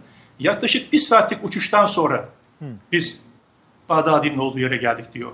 Hemen e, ben söyleyeyim. Kullanılan yer %99 Laferge çimento fabrikasında özel kuvvetlerin konuştuğu olduğu yer. Zaten kuvvet orada, helikopterlerin büyük bir kısmı orada. Görüntü vermemek için e, harap ışık büyük alana geçtiklerini zannetmiyorum. Dolayısıyla burası 45-50 dakikalık bir uçuş. Biraz rotada sapmalarla beraber bir saatlik uçuş. Yani Suriye'deki daha önce teşkil etmiş oldukları özel kuvvetler karargahını kullanıyorlar. Hem planlama açısından hem de uçuşlar açısından. Bir kere bunu söyleyeyim. İkincisi toplamda 8 helikopter diye açıklandı. Bunların içerisinde saldırı helikopteri Apache'lar var. Sikorsky'ler var. Ben e, Chinook var mı acaba diye baktım ama Chinook çok fazla e, yerden toz, toprak, gürültü vesaire yapacağı için Sikorsky'yi kullandıklarını düşünüyorum. Şöyle toplayayım. Saldırı için o görün, gör, görüntülerde var dikkat ederseniz IŞİD'ler DAEŞ'lerin üzerine imha etmek için kullanılan o ta- saldırısı. Daha sonra Sikorsky'den komandolar iniyor ve en son binanın tahrip edilmesinde MQ-9 Reaper adlı silahlı insansız hava aracından başka bir yerden lazer güdümü yapılarak dört bomba atılıyor. Ben bu şekilde e, meraklılar için, izleyenler için söyleyeyim. Bağdadi'nin bulunması vesaire falan konularına girmeyeceğim. Onun için çok fazla sorular var. E, çok fazla e, şeyler var. Bir ince konu daha var. Buyurun. DNA testini yaptık diyorlar. DNA testi için 2004'te hapishanede aldıkları e, örneklerle hemen ABD İstihbarat Komutana, Komutanlığı'nda bulunan 2004 kayıtlarıyla karşılaştırdık. E, eşleşmesi için bazı şartlar gerekli. Onu genetik uzmanlarımız daha iyi bilir. Eşleşti ve Bağdadi'nin öldüğünü söyledik diyor. Hemen burada şöyle bağlayayım cümleyi. Denize gömdük diyor. Ben de o civarda deniz aradım bulamadım bilmiyorum. Haritaya baktıkları zaman deniz nerede var? Denizde nereye gömdüler Bağdadi'yi. O nedenle e, soru işaretlerini burada bırakayım. Şimdi hemen Yunanistan'la ilgili Lütfen. konuya geçiyorum. Şimdi hatırlarsanız Mayıs ayında yine Türkiye'de Türkiye çevriliyor mu diye, kuşatılıyor mu diye böyle askeri hareketlilik oldu biliyorsunuz. Ee, Dede Ağaç Meydanı'na Yunan, e, Türk Yunanistan'ın Dede Ağaç Meydanı'na Amerika Birleşik Devletleri yığınak yapmaya başladı. Buraya birçok araç, gereç, malzeme, tesisat getirmeye başladı. Bu bizi rahatsız etti hatta medyamızda da yer aldı. Aslında NATO'nun 2014 yılından beri bu tarafa Rusya'yı çevirmek için yapmış olduğu 2019 yılı yaz tatbikat serilerinin başlangıcıydı bu. Şimdi bu buraya çıkan araçlar, gereçler Bulgaristan'a gitti, Makedonya'ya gitti. Bulgaristan'daki NATO eğitim sahasında bunların bir kısmı kaldı. Ee, yine Romanya, Macaristan'ın, Hırvatistan'ın dahil olduğu tatbikatlar yaptılar. Yani kuzeyde Estonya, Letonya, Litvanya'nın dışında yapılan, Merkezi Avrupa'da yapılan tatbikatlar burada da devam etti. Şimdi Yunanistan'da yapılacak olan bu tatbikat ee, Yunanistan Mayıs ayı içerisinde 70 adet silahlı keşif helikopteri Kiova sattı. Amerika Birleşik Devletleri Yunanistan'a. Evet. O zaman ABD'nin Atina Büyükelçisi bir açıklama yapmıştı. Ekim ayı içerisinde yani bu aylarda e, 3. Muharip e, Hava e, Tugayı'nın bir tatbikatı olacak demişti. Yunanistan'a gelen yaklaşık 1500 asker, 90 helikopter, Apache, Chinook, Sikorsky olmak üzere olan bu helikopterler işte e, şöyle söyleyeyim ben haritayı canlandırmak için Eğriboz yani Ege tarafından bizim e, tarafa doğru olan Bolos Meydanı'nda geldi bunlar. Oradan Yunanistan'ın helikopter üssü var. Stefano Vukion diye bir yer. Oraya intikal ettiler. E, burada tatbikatlar yapacaklar. Bu tatbikat NATO'nun çabuk reaksiyonu ile ilgili testler yapıyor. Aslında hepsi bahane. Amerika Birleşik Devletleri hem Avrupa'yı bununla meşgul ediyor hem Rusya'yı çevirme bahanesiyle kuzeyden güneye kadar olan bölgede asker sayısını 7-8 kart arttırdı. Hmm. Yani son 5 yılda 7-8 kart arttırdı. Bu neyi etkiliyor biliyor musunuz? Almanya ve Fransa'nın başını çektiği Avrupa ordusunun kurulmasıyla ilgili çalışmaları baltalıyor. Aynı zamanda Trump'ın özellikle Almanya'yı sıkıştırdığı NATO katılım payını veya diğer ülkelerin de e, gayri safi milli hasılaya uygun şekilde oranlara göre arttırma ile ilgili baskılarını da tetikliyor. Evet. Bir tehdit yaratıyorsunuz. Bu tehdit karşılığında da işte bu domino taşı gibi olan etkiler ortaya çıkıyor. Ee, bir soru daha vardı. En son Ermeni e, sorunla evet. ilgili olarak e, Sayın e, e, Avni Bey e, Mehmet Perinçek'ten bahsetmişti. Aslında baba Doğu Perinçek de hatırlarsanız e, İsviçre'de Ermeni soykırımı emperyalist bir yalandır dediğinde İsviçre cezalandırdı. Bu e, İsviçre iç hukuku bitti. E, Doğu Perinçek Avrupa İnsan Hakları Mahkemesi'nin ikinci dairesine başvurdu. Kazandı. İsviçre temize gitti. 2013'te bu davayı kazanmıştı. 2015 yılında Avrupa İnsan Hakları Yüksek Mahkemesi e, Perinçek'i haklı buldu. Yani Ermeni soykırımını inkar etmek bile suç anlamında Avrupa'da cezalandırmaya çalışılıyordu. Şimdi mahkeme bununla e, bitmiş gibi gözüktü ama 1948 yılı Birleşmiş Milletler Sözleşmesi'ne atıfta bulunarak şöyle diyor. Yani soykırım kararını verebilmek için uluslararası bir mahkeme olacak veya bir mahkeme yani yerel bir mahkemenin Türkiye'de yetkilendirilmiş mahkemenin diyelim karar vermiş olması gerekiyor. O zamandan bu zamana e, her iki katılımcı da Avni Bey ve Sayın Taşansu da çok güzel belirttiler. Siz de belirttiniz. Türkiye'nin bir stratejisi olmadığı için her seferinde karşımıza çıkan 24 Nisan tarihi bizi ne yapıyor? E, öncesinde ve sonrasında da etkiliyor. 24 Nisan tarihiyle ilgili birkaç cümle atlatacağım. 24 Nisan tarihinde 235 Ermeni e, isyancısı doğudan batıya alınmıştı. Bu tarih neden 24 Nisan? Bakın 24 Nisan onun için önemli. Ayrıca Çanakkale Kara Savaşları başlarken 25 Nisan'da karaya çıkmaya başlamışlardı ama 24'ünde seyahate başlamışlardı. 24 Nisan tarihinin Ermeniler için neden böyle idol olarak seçildiğinde böylece hatırlatmış olayım. Son olarak da şunu söyleyeceğim. Ee, Amerika'da 50 eyalet var biliyorsunuz. Bu 50 eyaletten en son 49.sü da Ermeni soykırımını kabul etti. Yani 50 eyaletin 49'u e, Illinois hariç, güneydeki Illinois hariç e, veya Mississippi yanlış bir şey söylemeyeyim. Alabama kabul etti ve e, 49 eyalet şu anda kabul etti. Federal olarak yani başkent olarak şu anda temsilciler meclisinden geçen tasarı şunu sağlayacak Ermenilere. Kongrede de kabul edilmiş olursa yani. Sizin biraz önce sormuş olduğunuz soruda olduğu gibi. Evet. 3T diye şu anda bütün katılımcılar hatırlayacaklardır. Tanıma, tazminat ve toprak. Yani sizi sıkıştırmak için aslında daha bir tünel açılıyor. Bunun sonu e, bir şey kazanamayacaklar. E, O ayrı bir konu ama e, bunların hepsi karşımıza kademe kademe çıkacak olan 1960'lardan başlayan günümüze gelen böyle e, bir e, yaptırımlarla ilgili, bizi bağlayacak yaptırımlarla ilgili bir konu olarak karşımıza çıkıyor. Son cümlemde Ermeniler Birinci Dünya Savaşı'nda Ruslarla birlikte bize karşı savaştılar. O nedenle de tehcir daha fazla batıdaki savaştan dolayı tehcir gündeme geldi. Özetle söylüyorum. İkinci Dünya Savaşı'nda da Almanya birlikte, Nazi Almanyası ile birlikte işbirliği yaptılar. Ruslara karşı savaştılar. Son günlerde Türkiye'yi böyle e, faşist, nazist böyle göstermeye çalışan Ermeni yanlısı veya Rum yanlısı lobiler içinde Ermenilerin tarihte yapmış oldukları bu mezalimleri de hatırlatmış oldum. Necdet Bey bana vermiş olduğun zaman içerisinde. efendim. Evet, Beyazıt Karataş, emekli hava pilot tüm general. İşte, e, yani üst subayların böyle bir şeyi var. Böyle madde madde sorarsınız, madde madde anlatırlar. İşte televizyoncuların da en sevdiği işlerden birisidir. Z- zamanı da kurtarırsınız, çok sayıda veri de elde edersiniz. Paşam inşallah İstanbul'a gelirseniz, geldiğinizde de burada ağırlayacağız sizi. Çok teşekkür ediyorum, zahmetler verdik. İyi yayınlar diliyorum. Çok sağ olun. Evet, sizi biraz beklettik.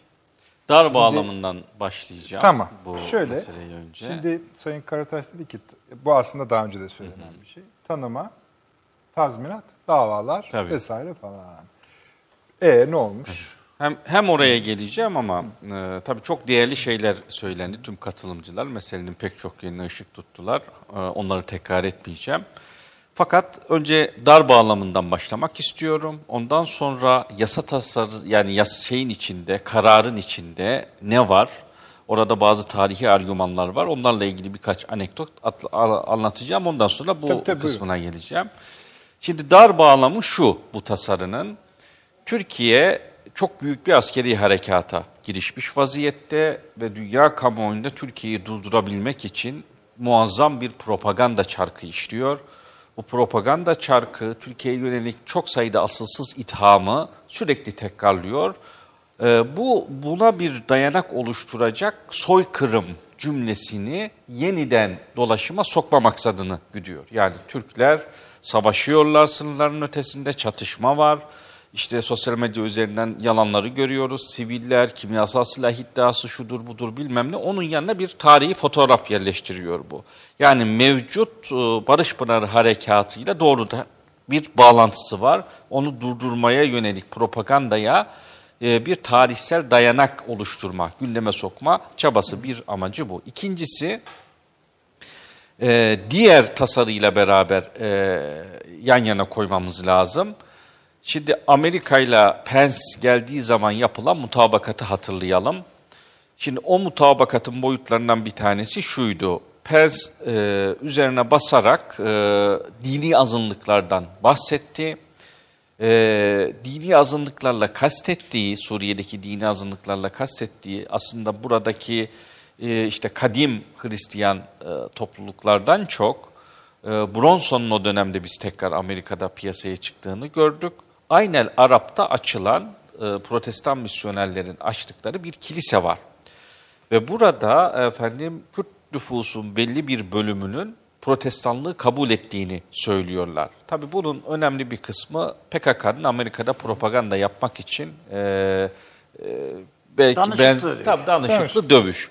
Ama bunu e, ciddiye alıyorlar ve oraya e, Türkiye'yi sokmamaya çalışıyorlar. Bugün bir haber Amerika e, Suriye, Türkiye sınırına doğru olan kısımdan çekilip işte Deir Zor'a doğru e, gidecekti. Fakat Aynel Arab'ın altında yeniden Amerikan kuvvetleri gözüktüler. Memmice doğru olan kısmında, Evet, orada. güney kısmında bir. İki, Türkiye ne diyor? Bize verilen sözler yerine getirilmedi. Ruslar nereye işaret ediyor? Aynel Araba doğru bir şey yapabilirsiniz. Türkiye'nin bu tarafa doğru hareketleneceğini düşünüyorlar şu anda. Ve yine Amerika ile yapılan mutabakatın yaptırımlarla ilgili kısmını hatırlayalım. Neydi o? Trump kendi yaptırımlarımı yani başkanlık olarak koyduklarımı o kısa süre bitince kaldıracağım. Ee, ve sonrasındaki ateşkes devam ettiği müddetçe yani kongreye de diyeceğim ki siz e, yaptırımları işletmeyin demişti. Şu anda Türkiye ile ilgili böyle bir beklentinin olduğu için yani aynen araba doğru Fırat'ın e, Fırat'la e, bu Barış Pınarı harekatını birleştirecek bir harekat beklentisi de e, olduğu için şeyi işletmeye başladılar. E, Temsilciler Meclisi'nden başlayarak e, ekonomik yaptırımları vesaireyi işleten süreci de e, işletmeye başladılar. Başka neyisi var? Başka iki yasayı yan yana koyduğumuzda güvenliğini sınır ötesinden e, karşılamaya karar vermiş olan bir Türkiye'nin bu doğrultuda e, kendisine güç unsurları olarak görmüş olduğu şeylerin hepsinin işaretlendiğini ve hedef alındığını görüyoruz. Nedir onlardan bir tanesi? Türkiye'nin tarihi, tarihi imajı, e, eski e, tarihi coğrafyasıyla e, münasebetlerini kuran bir tarihi hafıza var, bir bellek var, onun üretmiş olduğu bir motivasyon var. E, bunu soykırım tartışması üzerinden bu imajı e, tekrar e, hedef tahtasına oturtuyorlar. Onun dışında ne var? E, e, tek tek harekatı gerçekleştiren işte askeri heyeti hedef alıyor. Yani ordunuz var bu harekatı gerçekleştiren savunma bakanından aşağıya doğru. Başka e, bir siyasi kararlılığın olması lazım bunu gerçekleştirebilmeniz için. E, o yüzden Cumhurbaşkanınızı hedef alıyor. Başka bir savunma sanayine ihtiyacınız var. Böyle bir güvenlik çarkını çevirebilmeniz için. Doğrudan Türk savunma sanayini son dönemde büyük yatırımlar yapılan bu süreci hedef alıyor. Başka bu çarkı çevirebilmeniz için de ekonominizin ve finans sisteminizin olması lazım. Evet. Onunla ilgili şeylerin hepsini işaretliyor. Dolayısıyla bu hani tesadüfen başlayan bir süreç değil. İçinde bulunduğumuz konjonktürle doğrudan bağlantılı seçilen hedeflerle bununla ilgili. Ben e, ikinci olarak e, bu e, Ermeni e, iddialarıyla ilgili yasa tasarısı belirli isimlere atıf yapıyor. E, birkaç sayfalık bir metin. Doğru. Bu metin sırasında bazı tarihsel referanslarda bulunuyor. Onlardan bir ikisiyle ilgili tabii tarihçilerimiz bu alanları çalışıyorlar, şey yapıyorlar ama biz de hani milli mesele kabul ettiğimiz için özel inceleme alanımız ne olursa olsun e, bu konularla da ilgilenmeyi bir vazife biliyoruz. E, arşiv çalışmalarında mesela bulduğum bir kısmını yayınlamak üzere olduğum bir kısmını üzerinde çalıştığım bir iki notu aktaracağım. Mesela bir tanesi Robert Lansing, yasa tasarısında ismi geçiyor. O dönemdeki Amerikan Dışişleri Bakanı, oradan bir alıntı var. Soykırıma delil olarak kullanılıyor. Bakın Robert Lansing, Başkan Wilson'a e, o dönemde gizli damgalı bir notla e, Kasım 1916'da ne demiş Ermeni tehciri için? Cümle cümle aynen okuyorum. Ermenilerin Osmanlı hükümetine karşı meşhur sadakatsizliklerinin ve yaşadıkları toprakların askeri harekat alanı içinde oluşu gerçeğinin Ermenileri evlerini terk etmeye zorlamak hususunda az ya da çok haklı bir zemin oluşturduğunu görebildim. Ona vazife verilmiş. Yani ne oluyor bu hani tehcir vesaire filan nedir diye ve Başkan Wilson'a bir rapor sunuyor. Bu cümle aynen sunduğu rapordan 1916 tehcir sırasında diyor ki Ermeniler Osmanlı hükümetine karşı sadakatsizler bu çok meşhur ve yaşadıkları arazi bir askeri harekat alanı içerisinde oluyor. Bu bir gerçektir. Başkana sunulan Başkana rapor. sunulan rapor Wilson'a 1916'da. Evet.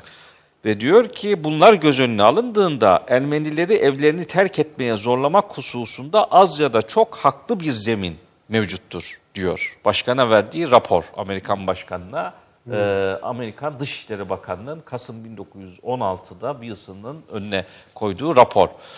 E, Şeye dayanarak, oradaki konsolosa dayanarak. Tabii soruyor başkan ne oluyor? Hani bu tehcir falan nedir? Bu alınan karar nedir? Buna bakın diyor. Ona bir cevap veriyor ve bunu şeyden e, Çok Amerikan enteresan bu. Dışişleri evrakın içerisinden çıkardım. E, şeyden çıkan e, yani yasa tasarısında doğrudan Lansing'le atıf var. Dönemin diyor Amerikan Dışişleri Bakanı dedi ki işte burada katliam var filan. Şimdi kamuya konuşulan ayrı ama devletin kendi iç yazışmaları, o dönemde mahrem olan yazışmalar önemlidir. Çünkü memur ne olduğunu e, anlatmak durumundadır. Propagandayı nasıl yapacaklarına daha sonra karar verirler. Şimdi işin bir kamuya deklarasyon olarak propaganda yapılan Ha, kısmı var. bir Bir de iç yani. yazışma. Sahtekarlık tabii yani. sahtekarlık. Belgeyi değiştiriyor. Kesinlikle. İki, şimdi e, soykırım meselesi ya da soykırım sözü bir hukuki terim. Şimdi bu hukuki e, terimin e, mucidi olarak gösterilen bir isim var. Bir e, Polonya Yahudisi Lemkin. Lemkin e, İkinci Dünya Savaşı yıllarında Amerika'ya göç eden bir isim. Soykırım sözünün kavramının mucidi bu ve soykırım sözleşmesi bu kavram üzerine kuruluyor.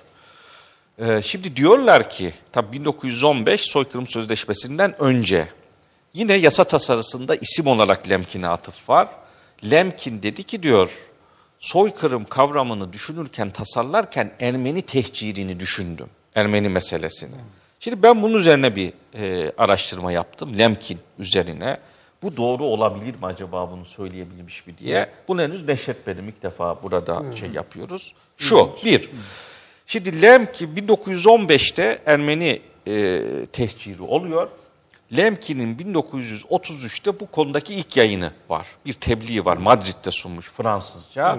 Etnik ve dini azınlıkların işte böyle kıyıma maruz kalmalarıyla ilgili. Şimdi e, Ermeni tehcirinden kaç sene sonra? 18 sene sonra. Burada soykırım sözüne rastlamıyoruz. Yani soykırım... kav- 33'tekini söylüyorsun. 33'tekini. Yani soykırım kavramı şeyden mülhem olsaydı e, Ermeni tehcirinden orada 18 sene geçmiş. Bunu orada kullanması lazımdı. Ne zaman kullanıyor? Kendisi Nazi zulmünün mağduru oluyor. Holocaust gerçekleşiyor. Ee, ve e, Avrupa şey Ameri- Avrupa'dan kaçıyor, Amerika'ya yerleşiyor. Orada e, Axis Rule in the Europe e, e, diye bir e, çalışma yapıyor. Bu orada kullanıyor. Yani soykırımı e, şeyi gördükten sonra, Nazi zulmünü gördükten sonra kullanıyor. Hocam zaten bu Yahudiler, Tabii. Yahudiler o zamana yani 1960'ların ortasına kadar değil, yakın zamana kadar, 2000'lere kadar bu soykırım şeyine Tabii. ilk direnen, hayır Direnen- kardeşim nereden çıktı? Tabii falan ki şeyler. Tabii kesinlikle. yani. Yani eğer şeyde görmüş olsaydı e, yasa tasarısı bu yasa olduğu için önemsiyorum bu cümleyi. Doğrudan dayanağını tarihsel referans olarak Lemkin Ermeni meselesini düşündü ve soykırım e, lafını tasarladı diyorlar. Bu doğru olsaydı e, şey yaşanmadan önce, Holocaust yaşanmadan önce bu konuları zaten çalışmış, orada kullanıldı. 33'te söylerdi. 33'te söyler. Başka e, bunu çıkardıkları anıları var Lemkin'in. Fakat e, şimdi Lemkin'in anılarını kendisi neşretmemiş. Siz bunları yayınlamadınız değil mi? Yok, defa Bunları burada yayınlayacağız. söyledim. Yayınlayacaksınız. Yayınlayacağız. E, Yok şimdi, yayınlanmış oldu. evet, çok ama bunlar ama doğru. Biz de teşekkür ederiz. Ee, şimdi e, Lemkin'in anılarını kendisi neşretmiyor. Kendisinden sonra bir editör notlarını derliyor. Derleyen editör de diyor ki arada boşluklar vardı bunları ben doldurdum diyor. Güzel. Ee, şimdi dolayısıyla Amerika editör gibi de Ermeniymiş. Tabii, e, şeyde e, Amerika gibi bir ülkenin parlamentosunun Evet. referans yaptığı işte soykırımın tarihsel delilleri falan dedi şeyler böyle bir sürü hani aşağıya doğru bunları konuşabiliriz. Ama sizin de ifade ettiğiniz e, gibi burada hocalarımızın da ifade ettiği gibi artık bir mutlak gerçek haline getirdiklerini düşündükleri e, bir şeyi bir konu şey yapıyor. Başka bir sürü var yani. tabii. İşte bir Hocam tane şöyle yapalım mı? Tabii. Reklamda kesiyorum. Eyvallah. Tekrar sizle devam edeceğim. Çok kısa efendim reklamımız. Yani bir daha teşekkür edeyim size. Neşredilmemiş bir şey ilk kez bizimle paylaş, izleyicilerimiz adına tabii teşekkür ediyorum. Bunlar böyle kendi başlarına bayağı iş yapmışlar yani. Tabii, tabii. Yani tuğla da kendilerini, sıva da kendileri. Pek kısa efendim hemen döneceğiz. 30 saniye reklam arası. Türkiye'nin tek haftalık haber dergisi Gerçek Hayat, gündemi yakından takip ettiği dosya ve röportajlarıyla her pazartesi okuyucusuyla satış bayilerinin raflarında buluşuyor. Gerçek Hayat artık sayfalardan dijitale taşıyor.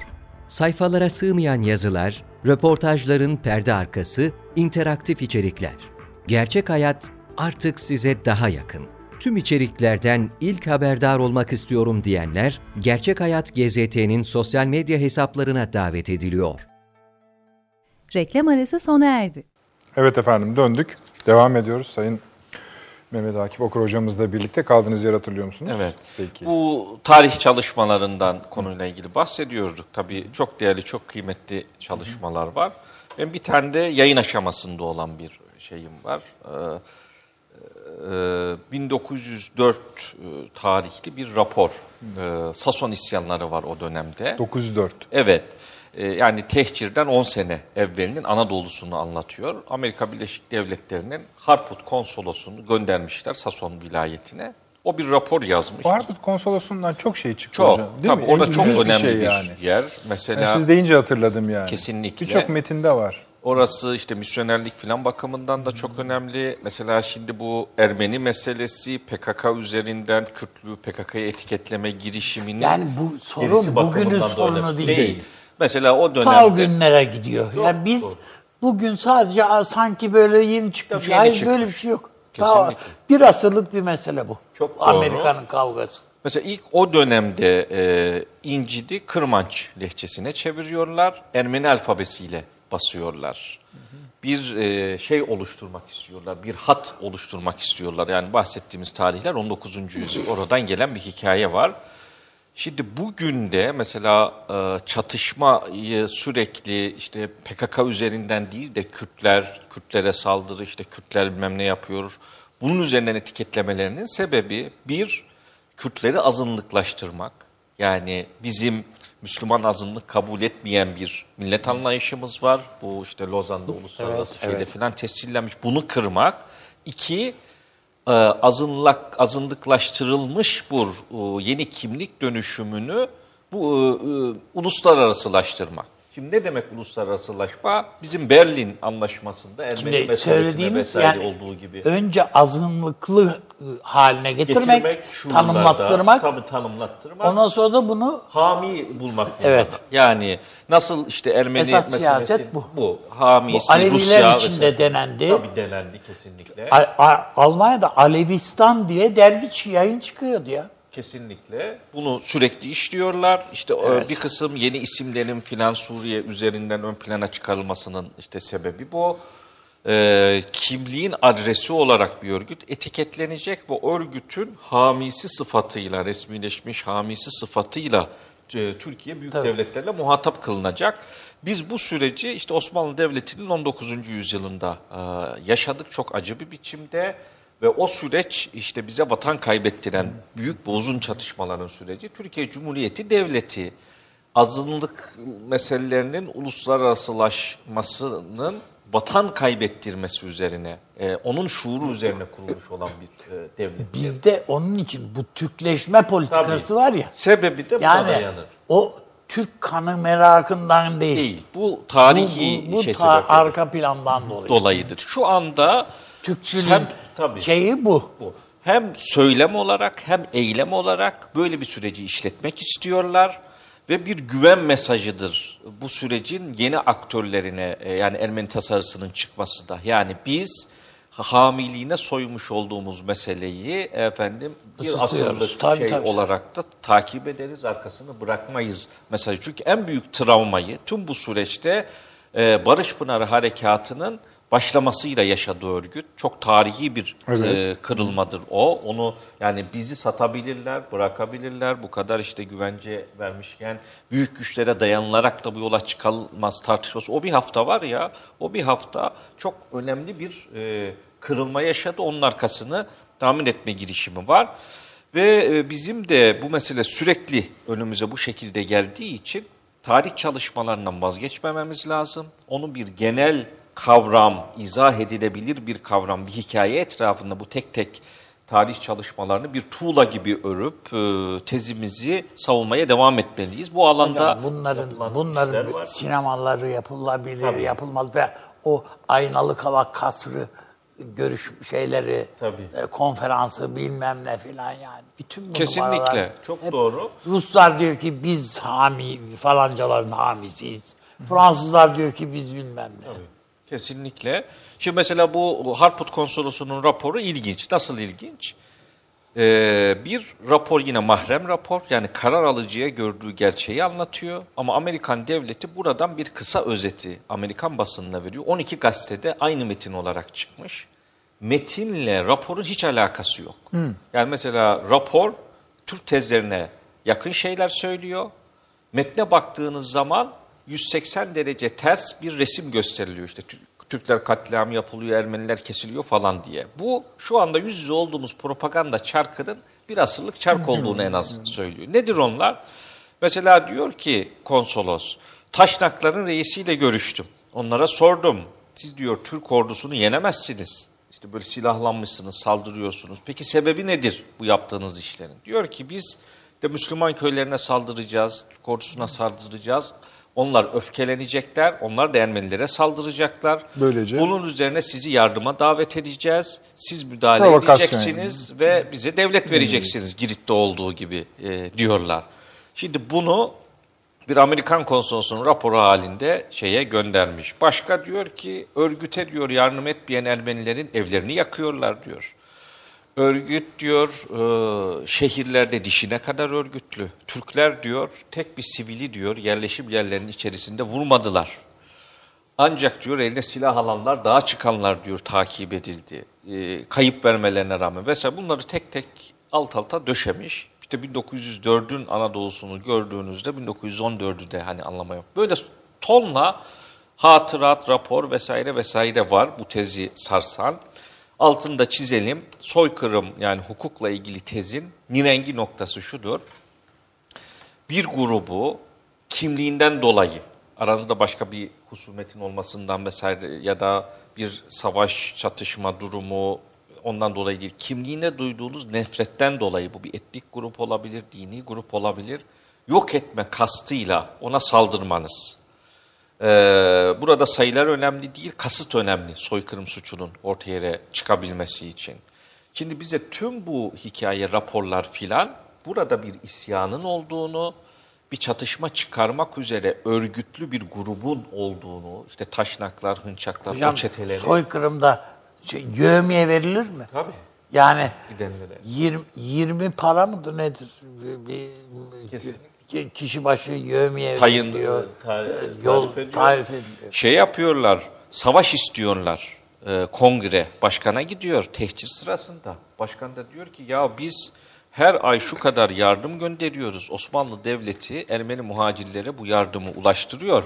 Harbe girersek bunu nasıl göndereceğiz diyor. Şimdi soykırım yaptığını iddia ettiğiniz bir hükümetin dünyanın dört bir tarafından gelen yardımı e, şeylere ulaştırdığını, e, işte o tehcire tabi tutulan ahaliye dağıttığını bilmem ne yaptığını en yüksek Ayrıca tehcir edilen yerde yer, nerelere yerleştirilecekler, Hepsi yerleşimleri falan Tabii. planlanmış. Kesinlikle. Şimdi bu mesele... Hocam bu Harput da bir Amerikalı diye Cevat Emin Başkurt'un Doğru. tiyatrosu vardır falan. Yani doğru. bunlar bizim- 1930'da e, Amerika ile biz oturmuşuz. Bir e, komisyon kurulmuş. E, demişiz ki sizin vatandaşlarınızdan yani Ermeni e, e, olup Amerikan vatandaşı olanlardan geride mal bıraktım filan diyen varsa gelsin. Türkiye bir para vermiş Amerikan hükümetine. Şu kadar liralık da fon. Ben arşivde onların e, tapu şeylerini gördüm başvuranların. Gelip e, malını isteyen herkese parasını ödemiş Türkiye. Ve hatta Türkiye'nin verdiği parayı dolduramamışlar kotayı e, başvurularla ve mal mülk Ya hocam işini bunlar bunlar bun, bunları gözünü seveyim. Yani tamam burada söylemeniz önemli tabii ama e, bunları bir şey yapsanız da bizim dışişleri falan bir hatırlasak. Hani bunlar Yani şey evrakları tabii. Önemli. Yani lazım. böyle olacak böyle Tabii. yani. Hı. Ee, şey de e, bu iş sonra uykuya yatıyor. Şu söylediğinizi ben ilk defa duyuyorum. Evet, yani Atatürk döneminde Amerika'yla gel Yani dün- hesabı kapatalım Tabii, demektir. hesabı Kapat- kapatmışız biz. kapatmışız yani. Ee, sonra e, 1915 olaylarını yaşayan kuşak ölüyor. Tarih sahnesinden çekiliyor. Soykırım meselesi sözleşmeye bağlanıyor. Dünyada bir soykırım endüstrisi doğuyor. Neden? Çünkü Almanları sağıyor tabiri caizse şey. Yani tonla tazminat alıyorlar. İsrail'in işte kuruluşundan bir sürü demir, çelikten tutun nakdi paraya kadar filan filan. İsrail Almanya arasında ne sorun yaşansa zaten böyle olur. Tabii. Şimdi bunun bir muadilini geriye doğru götürebilir miyiz? Kaygısı başlıyor bir. İki, diasporadaki gençlerin asimilasyonu süreci var. Amerikan kültürü asimile edici bir kültürdür. Ben Ermenilerle ilgili o Amerika'ya göçten Şimdi sonra yapılan yasakladılar da biliyor musunuz hocam mesela eskiden teşvik ediyorlardı. Amerika'ya göç ediyorlardı. Bu soğuk savaş bitti. Amerikalılar dediler ki hayır kardeşim yerinizde durun. Biz size buradaki diasporadan para toplanıyor kampanyalar para göndereceğiz. Şu anda Ermenistan resmen o sadakayla yaşıyor. Çok önemli. Evet. Yok yani askere bakıyorsun üniforması yok üstünde askerin. Ve gittikleri zaman da orada çok horlanmışlar. Sosyolojik çalışmalar var. O Kaliforniya'ya falan yerleştikten sonra üzerlerinde çalışmalar yapılmış. İşte bunlar kavgacılar, gürültüler falan bir sürü bilim görünümlü Ermenileri oradakileri de horlayan efendim şeyler var. Kütüphanelerde şeylerde dolu. Ee, sonra e, işte Sovyetlerin e, şeyi var bu meseleyi Ermenistan üzerinden gündeme getirme çabası ve bizim önümüze bu tasarı 1975'te geliyor. 75 nedir? 74 Kıbrıs Barış Harekatı, Türkiye yine sınırlarının dışında, sınırların dışında olan Türkiye'nin e, cezalandırılması Ne zaman lazım. demek ki kapıyı açıp dışarı Tabii, çıksak ki ona- 75, bu- 80, daha doğrusu 84 kendi bahçemize şey, çıksak e, evet. efendim, Bunu devam böyle ediyor. anlatmamız lazım. Lazım. Kesinlikle. Ee, ve e, içine girmiş olduğumuz süreçte de e, tüm bu meselelerin alevlendirilmesi tabii tesadüfi değil. Yani Doğu Akdeniz, Kıbrıs meselesi, işte Yunanistan, e, Ermeni meselesi, Türkiye'nin işte e, sisteminle sorunlu olduğu ya da e, sistem parametrelerinin dışına çıktığının söylendiği her dönemde sıkıştırılmak için oluşturulan bir çember var. Ve o çemberin biz yine sıkıştırılışıyla yüz yüzeyiz şu anda. Peki. Bu konuda başka bir şey eklemek istiyor musunuz? Ee, şu aşamada e, Hayır. tamam. evet. Peki. Şimdi bu konuda bir defa daha Taşans Hocam'a döneceğim. Şimdi Taşans Hocam, e, Mehmet Akif Hocam söz vermesine rağmen şeyi söylemedi hala. Canımız niye acıdığını söylemedi. Siz söyler misiniz? Yani siz acımalı dediniz. Ee, aslında Evet evet aslında Mehmet Akif Hoca çok da güzel söyledi canımızın Yok, neden Hatta şöyle söyleyeyim, Çünkü, pardon sözünüzü e, kesiyorum. Şöyle Şimdi söyleyeyim. bazı bölümlerinden de parçalar alıp yayınlamak mümkündür. Öyle de yapacağız YouTube'da. Hani YouTube demişken şey de söyleyeyim. Ee, arkadaşlarımız düzeltti ikazların üzerine. YouTube'da da yayınımız var. Ee, oradan da izleyebilirsiniz efendim. Sizi dinliyoruz Taşansı Hocam. Ee, şöyle en hani en basit bir şekilde metaforla anlatacak olursak Nedret Bey, Mehmet Akif Hoca'nın anlattığı mevzu tam da bu. Ee, trafikte tanımadığınız birisiyle kavga ettiğinizde size hakaret ederse aman bana ne der geçip gidebilirsiniz. Ancak e, komşunuz sizin evinizin tapusuna dair bir ithamda bulunursa bunu ciddiye almak zorundasınız.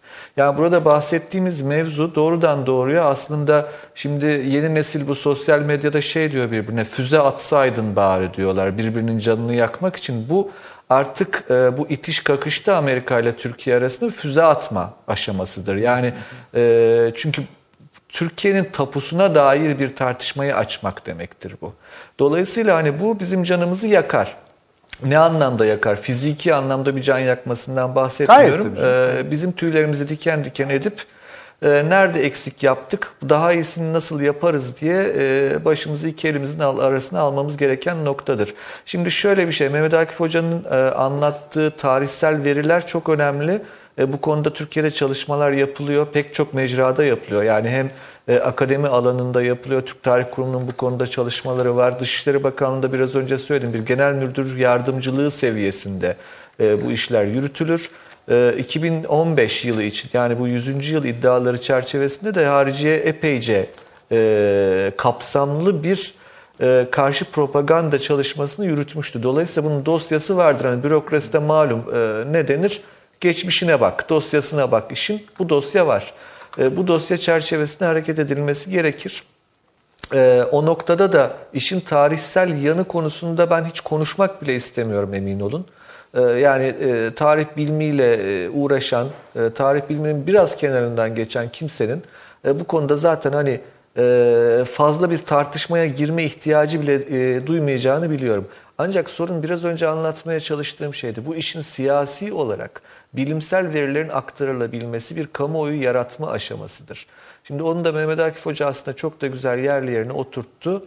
Ee, bu süreçte başka bazı e, çatışma alanlarıyla beraber ilişkilendirilmiş bir noktada karşımıza çıktı bu karar. E, ancak bunun başka ülkelerde de olduğunu hatırlamamız lazım. Yani ne bileyim işte Fransız meclisinden geçti, İsviçre meclisinden geçti, Rusya meclisinden geçti vesaire. Neden Amerika'yı önemsiyoruz peki biz bu kadar? Amerika'nın kural koyucu olma kapasitesinden dolayı önemsiyoruz. Yani o güçten dolayı önemsiyoruz. E, güç her zaman rıza getirir mi getirmez ama önemsememiz gerekir. E, bu noktada e, zannediyorum Amerika'daki bu lobi çalışmalarına dikkat etmekte fayda var. Bir kere daha da şu noktaya ben özenle altını çizerek söylemek isterim. İsrail'in varlığı kavramı doğrudan doğruya Holocaust'la ilişkilendirilmiştir. Yani bu, bu, bu şekilde gitti bütün Soğuk Evet. Savaş boyunca da. Holocaust'un tekilliği, biricik olması İsrail'in meşruiyetin en önemli kavramlarından bir tanesidir. Hatta yani sadece bu da değil.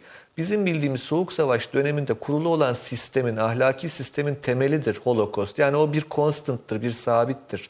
Şimdi Soğuk Savaş sistemindeki sarsılmayla beraber aynı şekilde Siyonizmin de o üniversalist tarafından yani Yahudi kimliği tarafından çıkıp daha İsrailize olması yani teritoryalleşmesi çerçevesi e, Türkiye'nin elini e, zayıflatan bir gelişmedir Amerika'daki Yahudi lobileri çerçevesinde. Bu genel ideolojik süreçten bahsetmek lazım. Bunun üzerine bir de e, Türkiye-İsrail ilişkilerindeki sıkıntının yansıması olarak okumak lazım. E, ama bütün bunları biraz önce Mehmet Akif Hoca'nın bahsettiği o genel çerçeve içerisinde ele almak gerekiyor. E, bu bir e, kuşatma e, ve rahatsızlık verme politikasının bir halkası olarak değerlendirmemiz lazım. E, ama yani pek çok diğer halka olabilir. Bunların hepsine eyvallah deriz. Yok o dava olur, şu olur, bu olur, e, yaptırım olur vesaire. Bunların hepsi bakın somut olarak ve e, yakın dönemde bizim çok canımızı yakacak olabilir. E, ama ben bütün bunlara rağmen diyorum ki ısrarla bizim tapumuzla alakalı bir tartışmaya asla izin Taşansı hocam. vermememiz gerekir. O noktada sinirle, yüksek sesle, bağıra çağıra konuşmamız gereken bir konudur. Bu, bu bilimsel bir konu değil. Yani işte efendim burada e, bilim adamı sükuneti çerçevesinde e, bir tartışmaya girelim. Hayır efendim hiç gerek yok. Doğrudan doğruya bu bir kavga konusudur. Bağırıp çağırarak konuşulacak bir konudur. E, bunu da e, zannediyorum hani bu cümleyi de kuracağım tek konu budur diye düşünüyorum Tamam. herhalde. Taşansı hocam.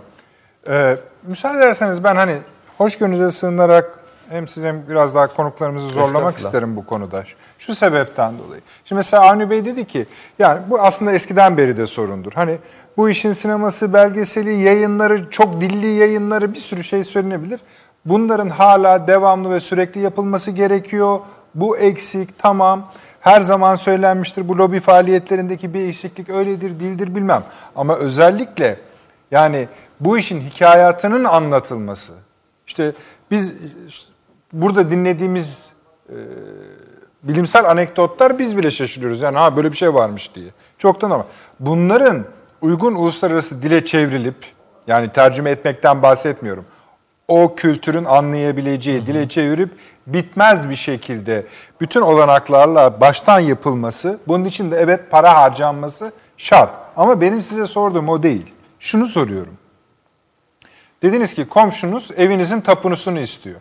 Şimdi burada komşunuzdan, bu tabii metafor olduğunun elbette farkındayım ama Ermenistan zaten bizim komşumuz. Öyle de bir durum var. Eğer kastettiğiniz Ermenistan ise o kendi tapusunu şu anda şey yapamıyor. Koruyamıyor. Yani sadece gırtlağı değil, yani metaforik anlamda da yani ekmeği de Türkiye'nin elindedir. Ciddi sıkı- sıkıntıları var. Yok kastınız bunun arkasında duran Amerika ve İsrail ise onlar da şu anda bu bölgedeki varlıklarını koruyamıyorlar. Yani şuna bağlamaya çalışıyorum. Hala aynı soru. Yani ne olmuş? Ne olmuş? Onu, diye, Ee, onu yani diyemeyiz. biraz ya. önce de aslında Tamam tam işte da bunu ben- sorun bu benim. Haklısınız verdiğiniz örnekte. Peki. Avni abi onu diyemeyiz Ee, ancak dedi. şu var. e, Ha, söyleyin siz. Evet. Ee, şu var, e, yani e, tartışmaya açılması. O biraz önceki örneği tekrar etmek istiyorum. Yani tekrar pahasına söyleyeceğim bunu. Ee, trafikte kavga ettiğiniz birisi hakaret eder size, umurunuzda olmayabilir. Yani hiç umursamadan yolunuza devam edersiniz. Ancak söylediğim gibi evinizin tapusu hakkında birisi ileri geri konuştuğu zaman bunu ciddiye almak durumundasınız. Z- Ne olacağı konusu somut bir şeyden bahsetmiyorum ama böyle bir gündemin olması bile hoş değildir. O noktada da şunu unutmamamız gerekir. Yani bu büyük bir eylem planı çerçevesinde yapılması gerekir. Tamam, buna 2015 itirazım yok. çerçevesinde e, bunun bir kısmını biz görebildik. Zannediyorum o dosyaya bir daha bakmakta fayda var. E, Dosyayı geliştirmekte fayda var diye düşünüyorum. Peki. Bey. Yani şöyle biz ne olacak yani ne olduysa oldu ne olacak yani falan diyemeyiz. Diyemeyiz çünkü e, bu devlet yani Türkiye Cumhuriyeti devleti bir kav- bir büyük istiklal savaşının üstüne kuruldu. Bu büyük istiklal savaşı habire tutanın tuttuğu yeri kopardığı bir imparatorluğun bakiyesi olarak ortada. Herkes Yani- ısırma, ısırmış. Evet, yani burayı ıs- evet burayı ısırmak marifet oldu. Hatta ısıran bütün ailelere bile bir der devlet verildi güneyde. Değil mi yani? Ailelere devlet verildi. Yani bu Birleşik Arap Emirlikleri falan ne oluyor ki ya bunlar bir şey değil. Ha. Şimdi ve şimdi ve bu iştah kesilmedi. Adam yani Amerika fırsat Birleşik- kollar durumunda kaldı. Onun için birkaç defa da başka vesileyle de söyledim. Lozan'ı imzalamamış bir veyahut da imzalamış da parlamentosundan geçirmemiş bir Amerika var karşımızda. Yani senin e, ulusal sınırlarını e, tanımamış bir devlet var. Niye Ermenistan yok Karşımızda. burada diye Evet. kongre. Evet var. Dolayısıyla yani e, bu karar ben televizyonlarda da bakıyorum. Ya bu sonuç doğurmaz. Yani hiçbir kıymet harbiyesi yoktur bilmem ne falan. Kardeşim e, Amerika Amerikan şeyleri biz haklıydık değil mi bu Halk Bankası davasında? Her şey bakımından haklıyız. Evet. Veya başka ca- şeylerde biz haklıyız. Adam mahkum ettim diyor. Ne yapacaksın? Yani tahsil de para kesiyor Almanlardan. Almanları şakır şakır tahsil de etti paraları. Yani kimse bir şey diyemiyor ki yani bu. Bir e, Bu önemli doğru, bir şey çok yani. önemli. Dolayısıyla adam yarın birisi mahkemeye bir şey başvurabilir. bundan gerekçe gösterir. Bunları gerekçe tabii kardeşim işte olarak. bu filan filan işte al. 11 Eylül neden Suudi Arabistan panik halinde bütün paralara el konmuş? 11 Eylül'ün sen sorumlususun dedi miydi bitti. Tüm diyor eğitim programlarında vesairede bu konu işlenecek. seremonilerle alınacak, bilmem ne yapılacak. Yani Tabii kendi politikasına içinde- dönüşecek yani. Tabii bu devlet politikasına dönüştürme yönünde zaten şey var. Dediğiniz gibi yarın bir başka konjonktürde sen parlamento olarak yasa çıkarmışsın.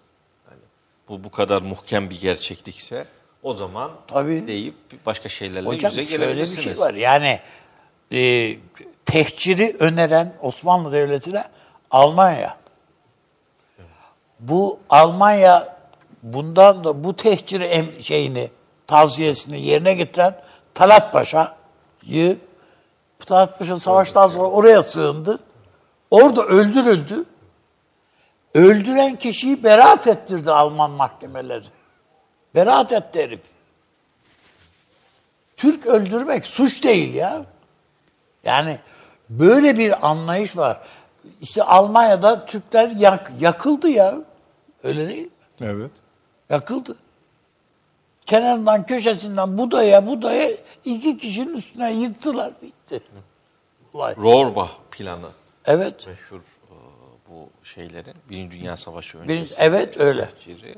Ve bir Ermeni tarihçi de bunu yazdı. Dedi ki yani Almanlar sorumludur falan diye bu şeyi. e, Yani Ermeni tarihçilerden de kabul edenler. Ya zaten namuslu bir insanın buna hayır demesi mümkün mü? Ermenistan'a gittiğin vakit e, o üniversiteler falan infial gösteriyorlar bilmem ne. E, Özelde oturduğun vakit bir bana yani yaşlı bir Ermeni kadın vatan kokuyorsun dedi. Şimdi bu başka bir şey. Çünkü orası onların vatanı vatanı değil. Yani Erivan Ermeni vatanı falan değil.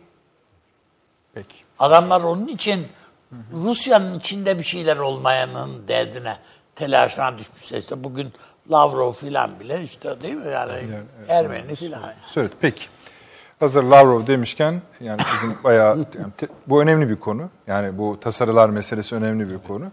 Onun için programın büyük kısmını ona vakfettik. Fakat şu, şu konuyu konuşmamız gerekiyor.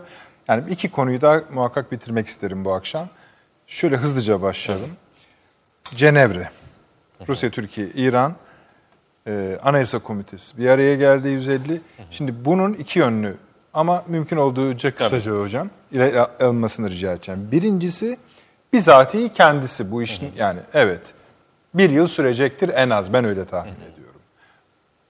Ama önemli, ikinci önemli nokta şu çok uzun zamandır dünya üzerinde böyle bir şey yapılıyor. Ve işleme ihtimali çok yüksek. Başarılı olma şansı çok yüksek. Buyurunuz.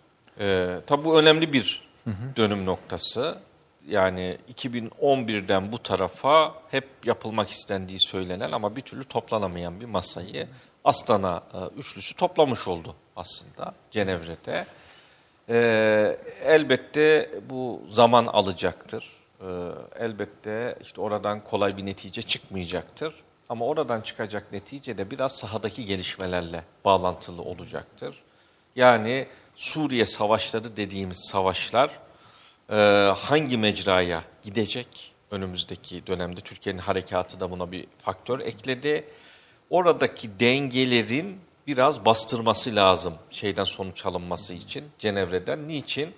Çünkü kompozisyona şimdi baktığımızda oylama kuralları filan da belirmeye başladı. %75'lik bir çoğunluğun bir şeyi onaylaması lazım maddenin geçebilmesi için.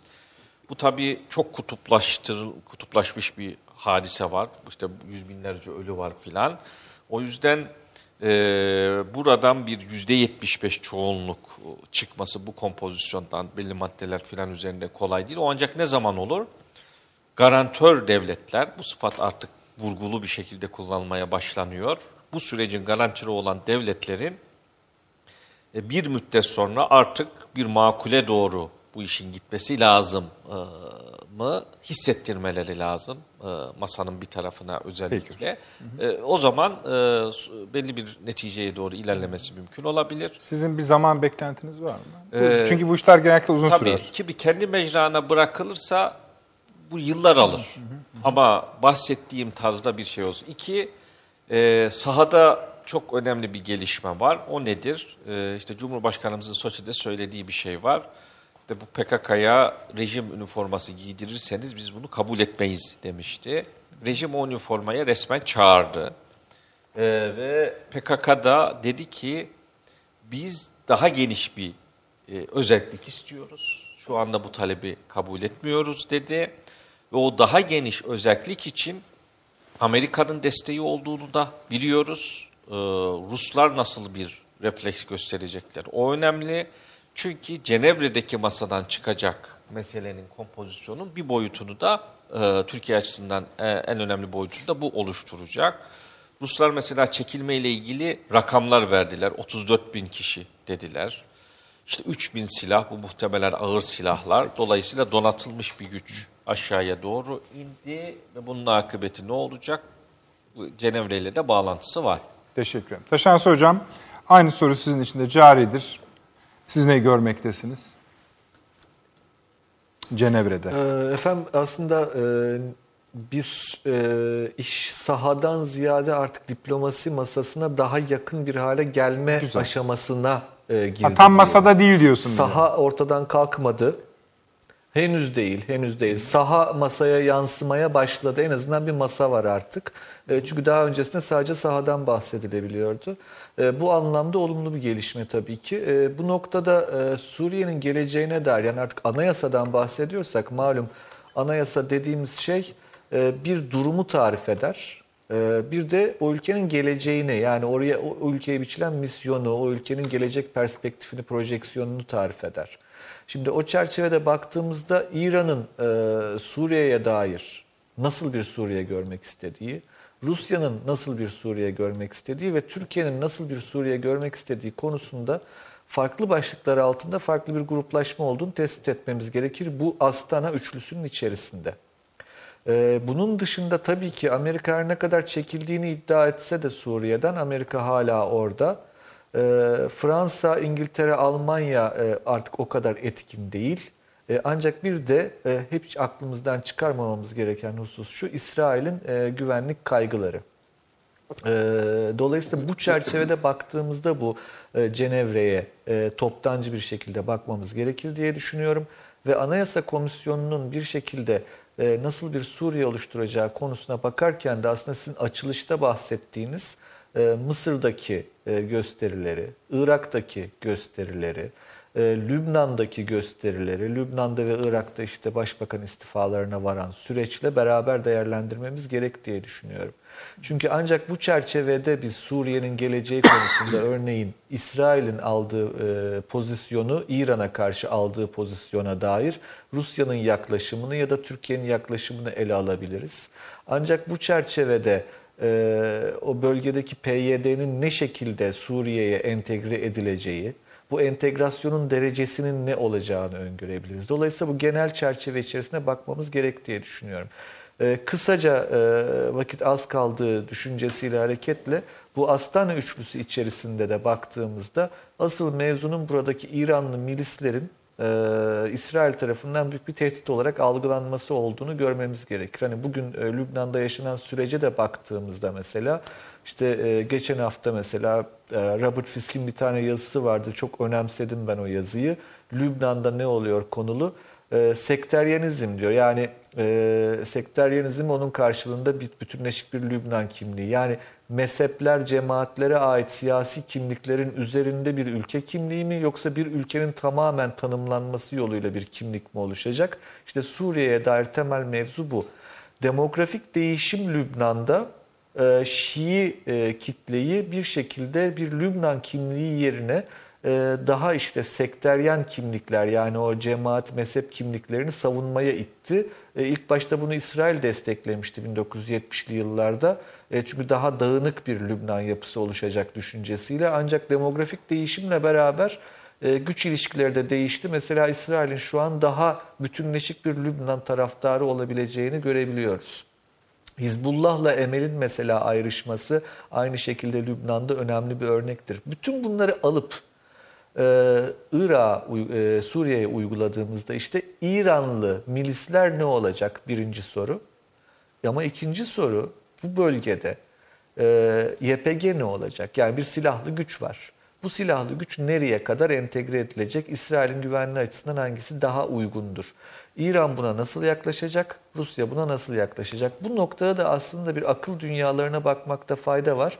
Rusya'nın akıl dünyasına baktığımız zaman e, tanımlanmış kimliklere yakın olduğunu görürüz Rusya'nın. Yani teritoryal bir vatandaşlık kimliği yerine etnik kimliklerin tanımlanarak bunların anayasada yer alması aklına sahiptir Rusya İmparatorluğu, Sovyetler Birliği ve bugünkü Rusya Federasyonu. İran'a baktığımızda da benzer bir yaklaşım vardır. Ee, ancak orada siyasi çıkarları zannediyorum e, şu an hani e, PYD'nin kendisine karşı yapılandırıldığı düşüncesinden hareketle e, daha üniter bir Suriye taraftarı olabilir İran. Ancak bu üniter yapının içerisinde kendi milislerine bir özellik, idari özellik isteyebilir. Rusya'ya baktığımızda ise orada belirli bir şekilde Kuzeydoğu Suriye'de teritoryal bir tanım da isteme e, çerçevesine yaklaş, yaklaştığını düşünüyorum. Türkiye olarak bizim talebimiz ne olacak peki? Yani asıl mevzu budur. Hani şimdi e, çok büyük bir başarıdır o hattın kırılması. Barış Pınarı Harekatı o anlamda önemli. O yüzden hatta bu anlaşma Amerika ile ve Rusya ile yapıldıktan sonra bu bir zaferdir demiştik. E, güzel e, ancak bu zafer bir başlangıçtı. E, yani bir e, saldırı hattının kırılmasıydı.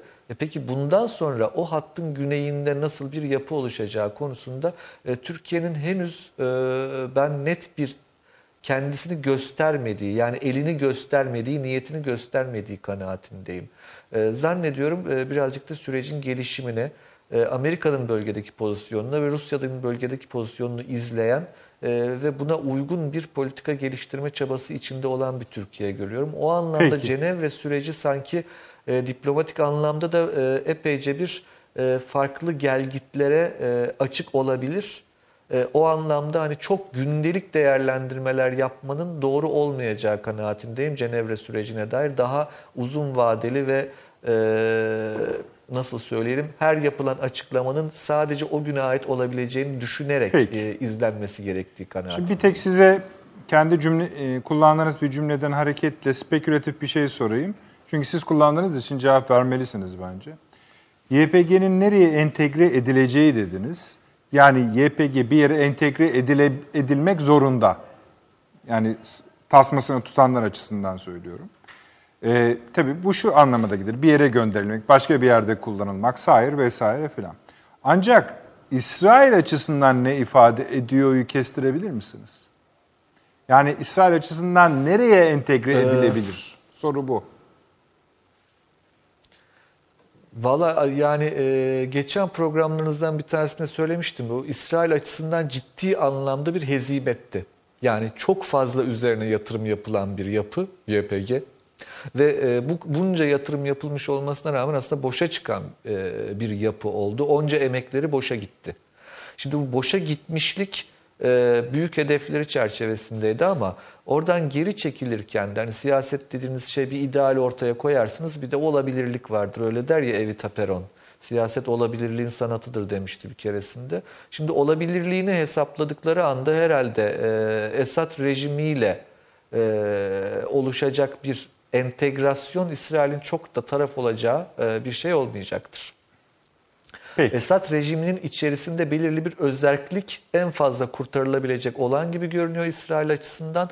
E, o anlamda e, kendi birlik ve komuta e, çizgisini bozmamış, yapısını koruyan askeri birlikler olarak kalması konusunda ısrarcı olacaktır diye düşünüyorum. Peki hocam. Avni abi senle bağlayalım müsaade hı. Bu arada Ben- bir şey bahsedeyim de. Şimdi internette e, şeyde galiba e, Suriye'de Esad e, televizyonda konu- bir konuşma yapmış ama parça parça birçok laf geliyor oradan. Şu ana kadar da bizim tırnak içinde söylüyorum okuyucularımız bağışlamış. Adam yerine koyacağımız bir kaynak yok.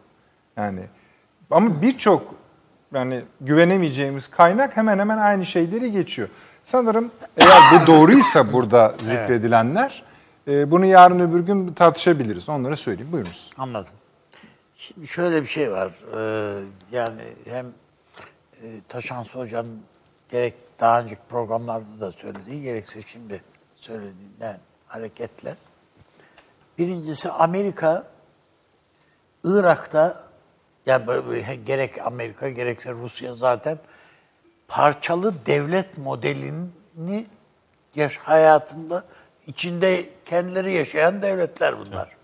Dolayısıyla bunlara federasyon falan dediğin vakitte gayet normal geliyor. Özel bölgeler hepsinde diyeyim bir şey var yani. Hele Rusya'da yığınla yani özel bölgeden kadar. bol bir şey yok. Dolayısıyla Rusya'yı falan Rusya falan bunları yadırgamaz.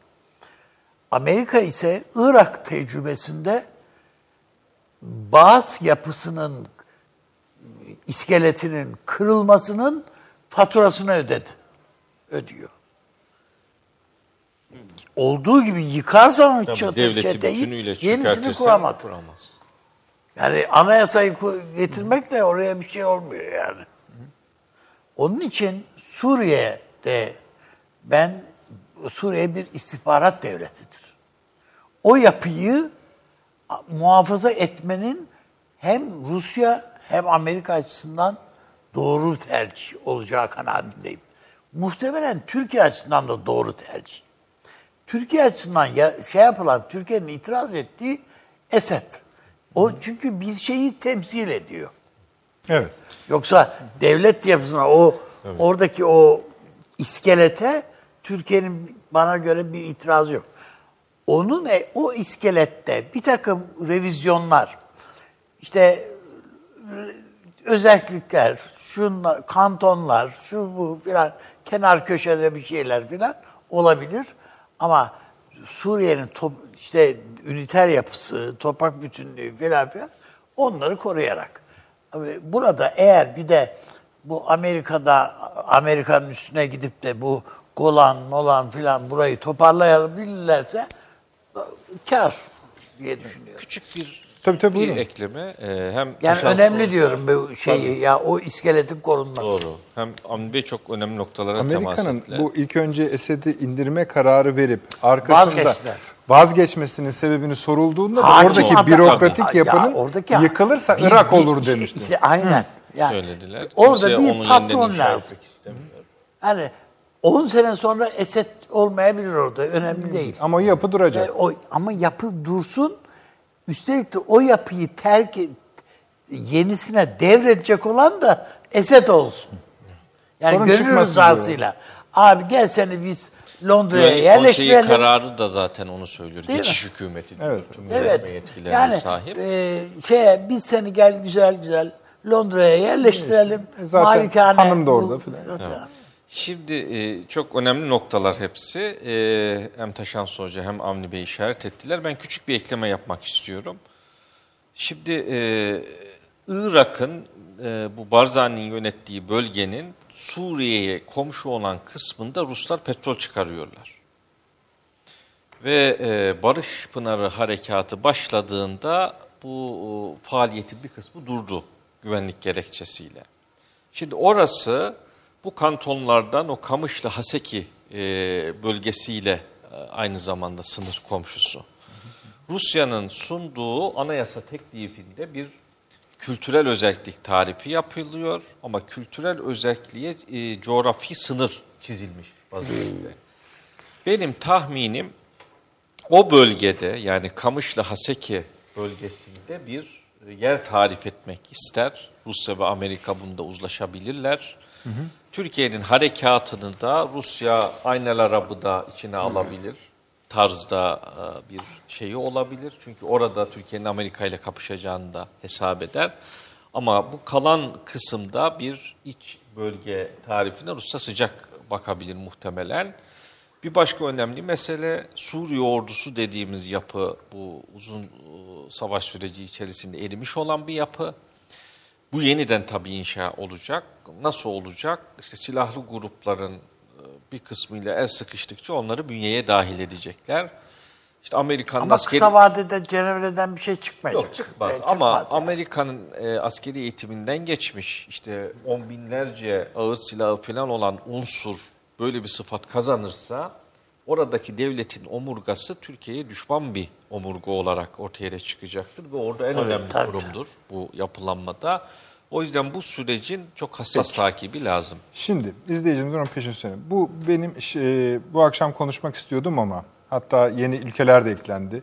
Bolivya, İspanya, Şili, Honduras, Haiti, Mısır, Lübnan, Ekvator, Hong Kong, Irak, İran, Suriye, İsrail gidiyor. Azerbaycan, Pakistan, Afganistan, işte Cemmu Keşmir meselesi vesaire vesaire. İsrail de dahil. Bir küresel kriz Tamam. atmosferindeyiz. Buna bir yani buna Tabii. bir konuşmamız gerektiğini düşünüyorum. Küresel Dünya- ısınma gibi bir şey bu Tabii, işte. Dünya. Abi son dediğinizde dünya Arap Baharı oldu. Orada da bir ha- ısınma havası vardı biliyorsun. Sonuçları buraya kadar geldi. Şu iki, üç cümlede şu konuda etmek istemiyorum. Bu Trump'ın aziz süreci meselesi. Hocam sizden başlayalım. Bir şey mi söyleyecektiniz? Çöker. Olmaz yani. Trump mı çöker? Hayır, canım. Peki. Öyle, öyle bir şey. Azil mazil olmaz. Peki. Olmaz. Yani Amerikan tarihinde zaten bu Yok işin yani o işler. çok çok zor olmaz. Yani onlar beyin Senatoya jimnastiği gider. sadece. Tabii şey yapar. Bir de Yani şunu görü söylüyorsunuz o zaman. Amerika'da seçimler var. Bunun üzerinden eze, eze yani eze, yıpratmaya çalışılan bir mekanizma bu. tabii Ee, Ama şu anda Trump Türkiye lehine topa girmez.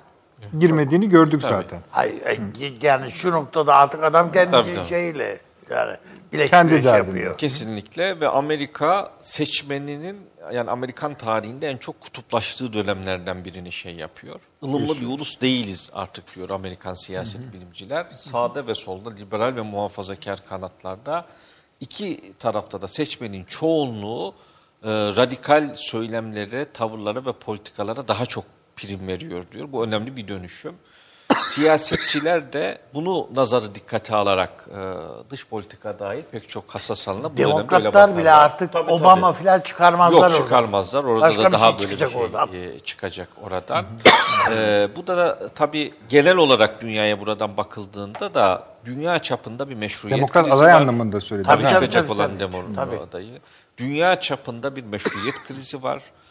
Ee, hem e, bu meşruiyet krizini e, çözecek bir e, e, işte sistemik dönüşüm talebi var. E, ama bunun işte aktörlerinin vesairenin filan oluşması lazım. Sürekli rüzgarların esip işte durulması, bazen çatışmalara dönüşmesi ama rüzgarların durulmaması.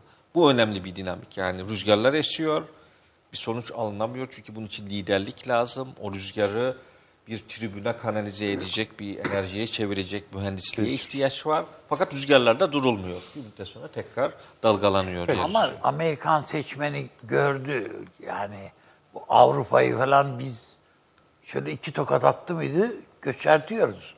Rusya'ya höt dediğinde şey, Çin'e höt dediğinde adam ne yapayım diyor.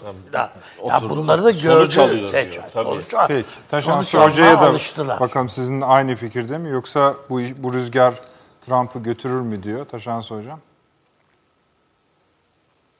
Ee, yok e, ama aslında biraz önce hani konuşmak isterdim ama vakit kalmadı dediğiniz konuyla tam da alakalı olduğunu düşünüyorum ben. Yani bu dünyadaki Ha, evet. e, bütün bu hareketler de aslında 4 yılda bir olur bunlar biliyorsunuz. Yani Öyle mi? e, biz 2020 yılında olur diye düşünürdük. Yani 2019 bunun bir- yılında bunun bir periyodu mu? Faaliyetler aslında.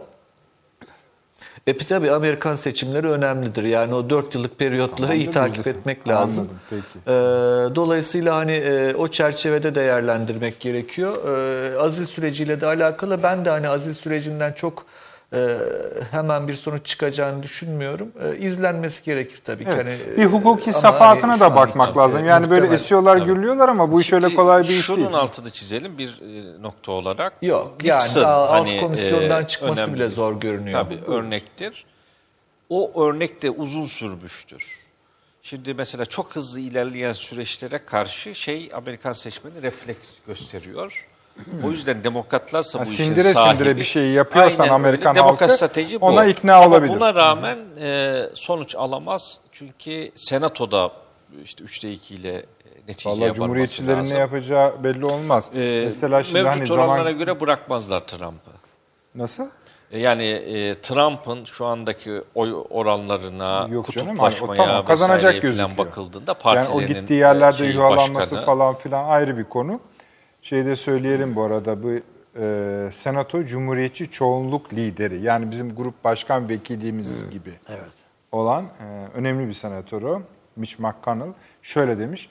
Türkiye'nin Suriye'deki askeri müdahalelerine karşı olası yaptırım adımlarını değerlendirirken duygularla değil ABD'nin stratejik çıkarları rehberliğinde hareket etmemiz gerekiyor. Yani bu biraz Kapıyı Türkiye'yi açmıyor şu an. kollayan bir şey. Öyle anlıyorum ben değil mi abi? Türkiye'yi kollamak değil, Değil. kendini Anladım. kolluyor adam. Ha, bize uyuyor diyelim o zaman. Yani, ha, yani ayağımızı denk atalım boşa batıyoruz diyor adam. Peki. Avni abicim çok, Çok teşekkür teşekkürler, ediyorum. sağ Sağ olunuz olun. hocam. Ekstra teşekkür ediyorum bugün ben için. Sağ olunuz, var olunuz. Taşans hocam her davetimizde Ankara Stüdyo'nun o yani biraz da büyüktür orası, yüksek bir yerdir. Orada biraz daha yalnız hissediyor olabilirsiniz kendinizi. Onun için ayrıca ben teşekkür ediyorum. Sağ olunuz, eksik olmayınız. Bu önümüzdeki programda e, şeye muhakkak değinmek arzusundayım efendim. Bu bir liste saydık, ülkeler listesi. Bu, bu dalga başka bir şeye de dönüşebilir. Tam bilmiyoruz. E, isim koymaya da gerek yok ama bir elden geçirmekte fayda var. Salı günü efendim saat 21'de akıl odasında buluşmak üzere. Gece saat 02'de tekrarımız var. İyi geceler.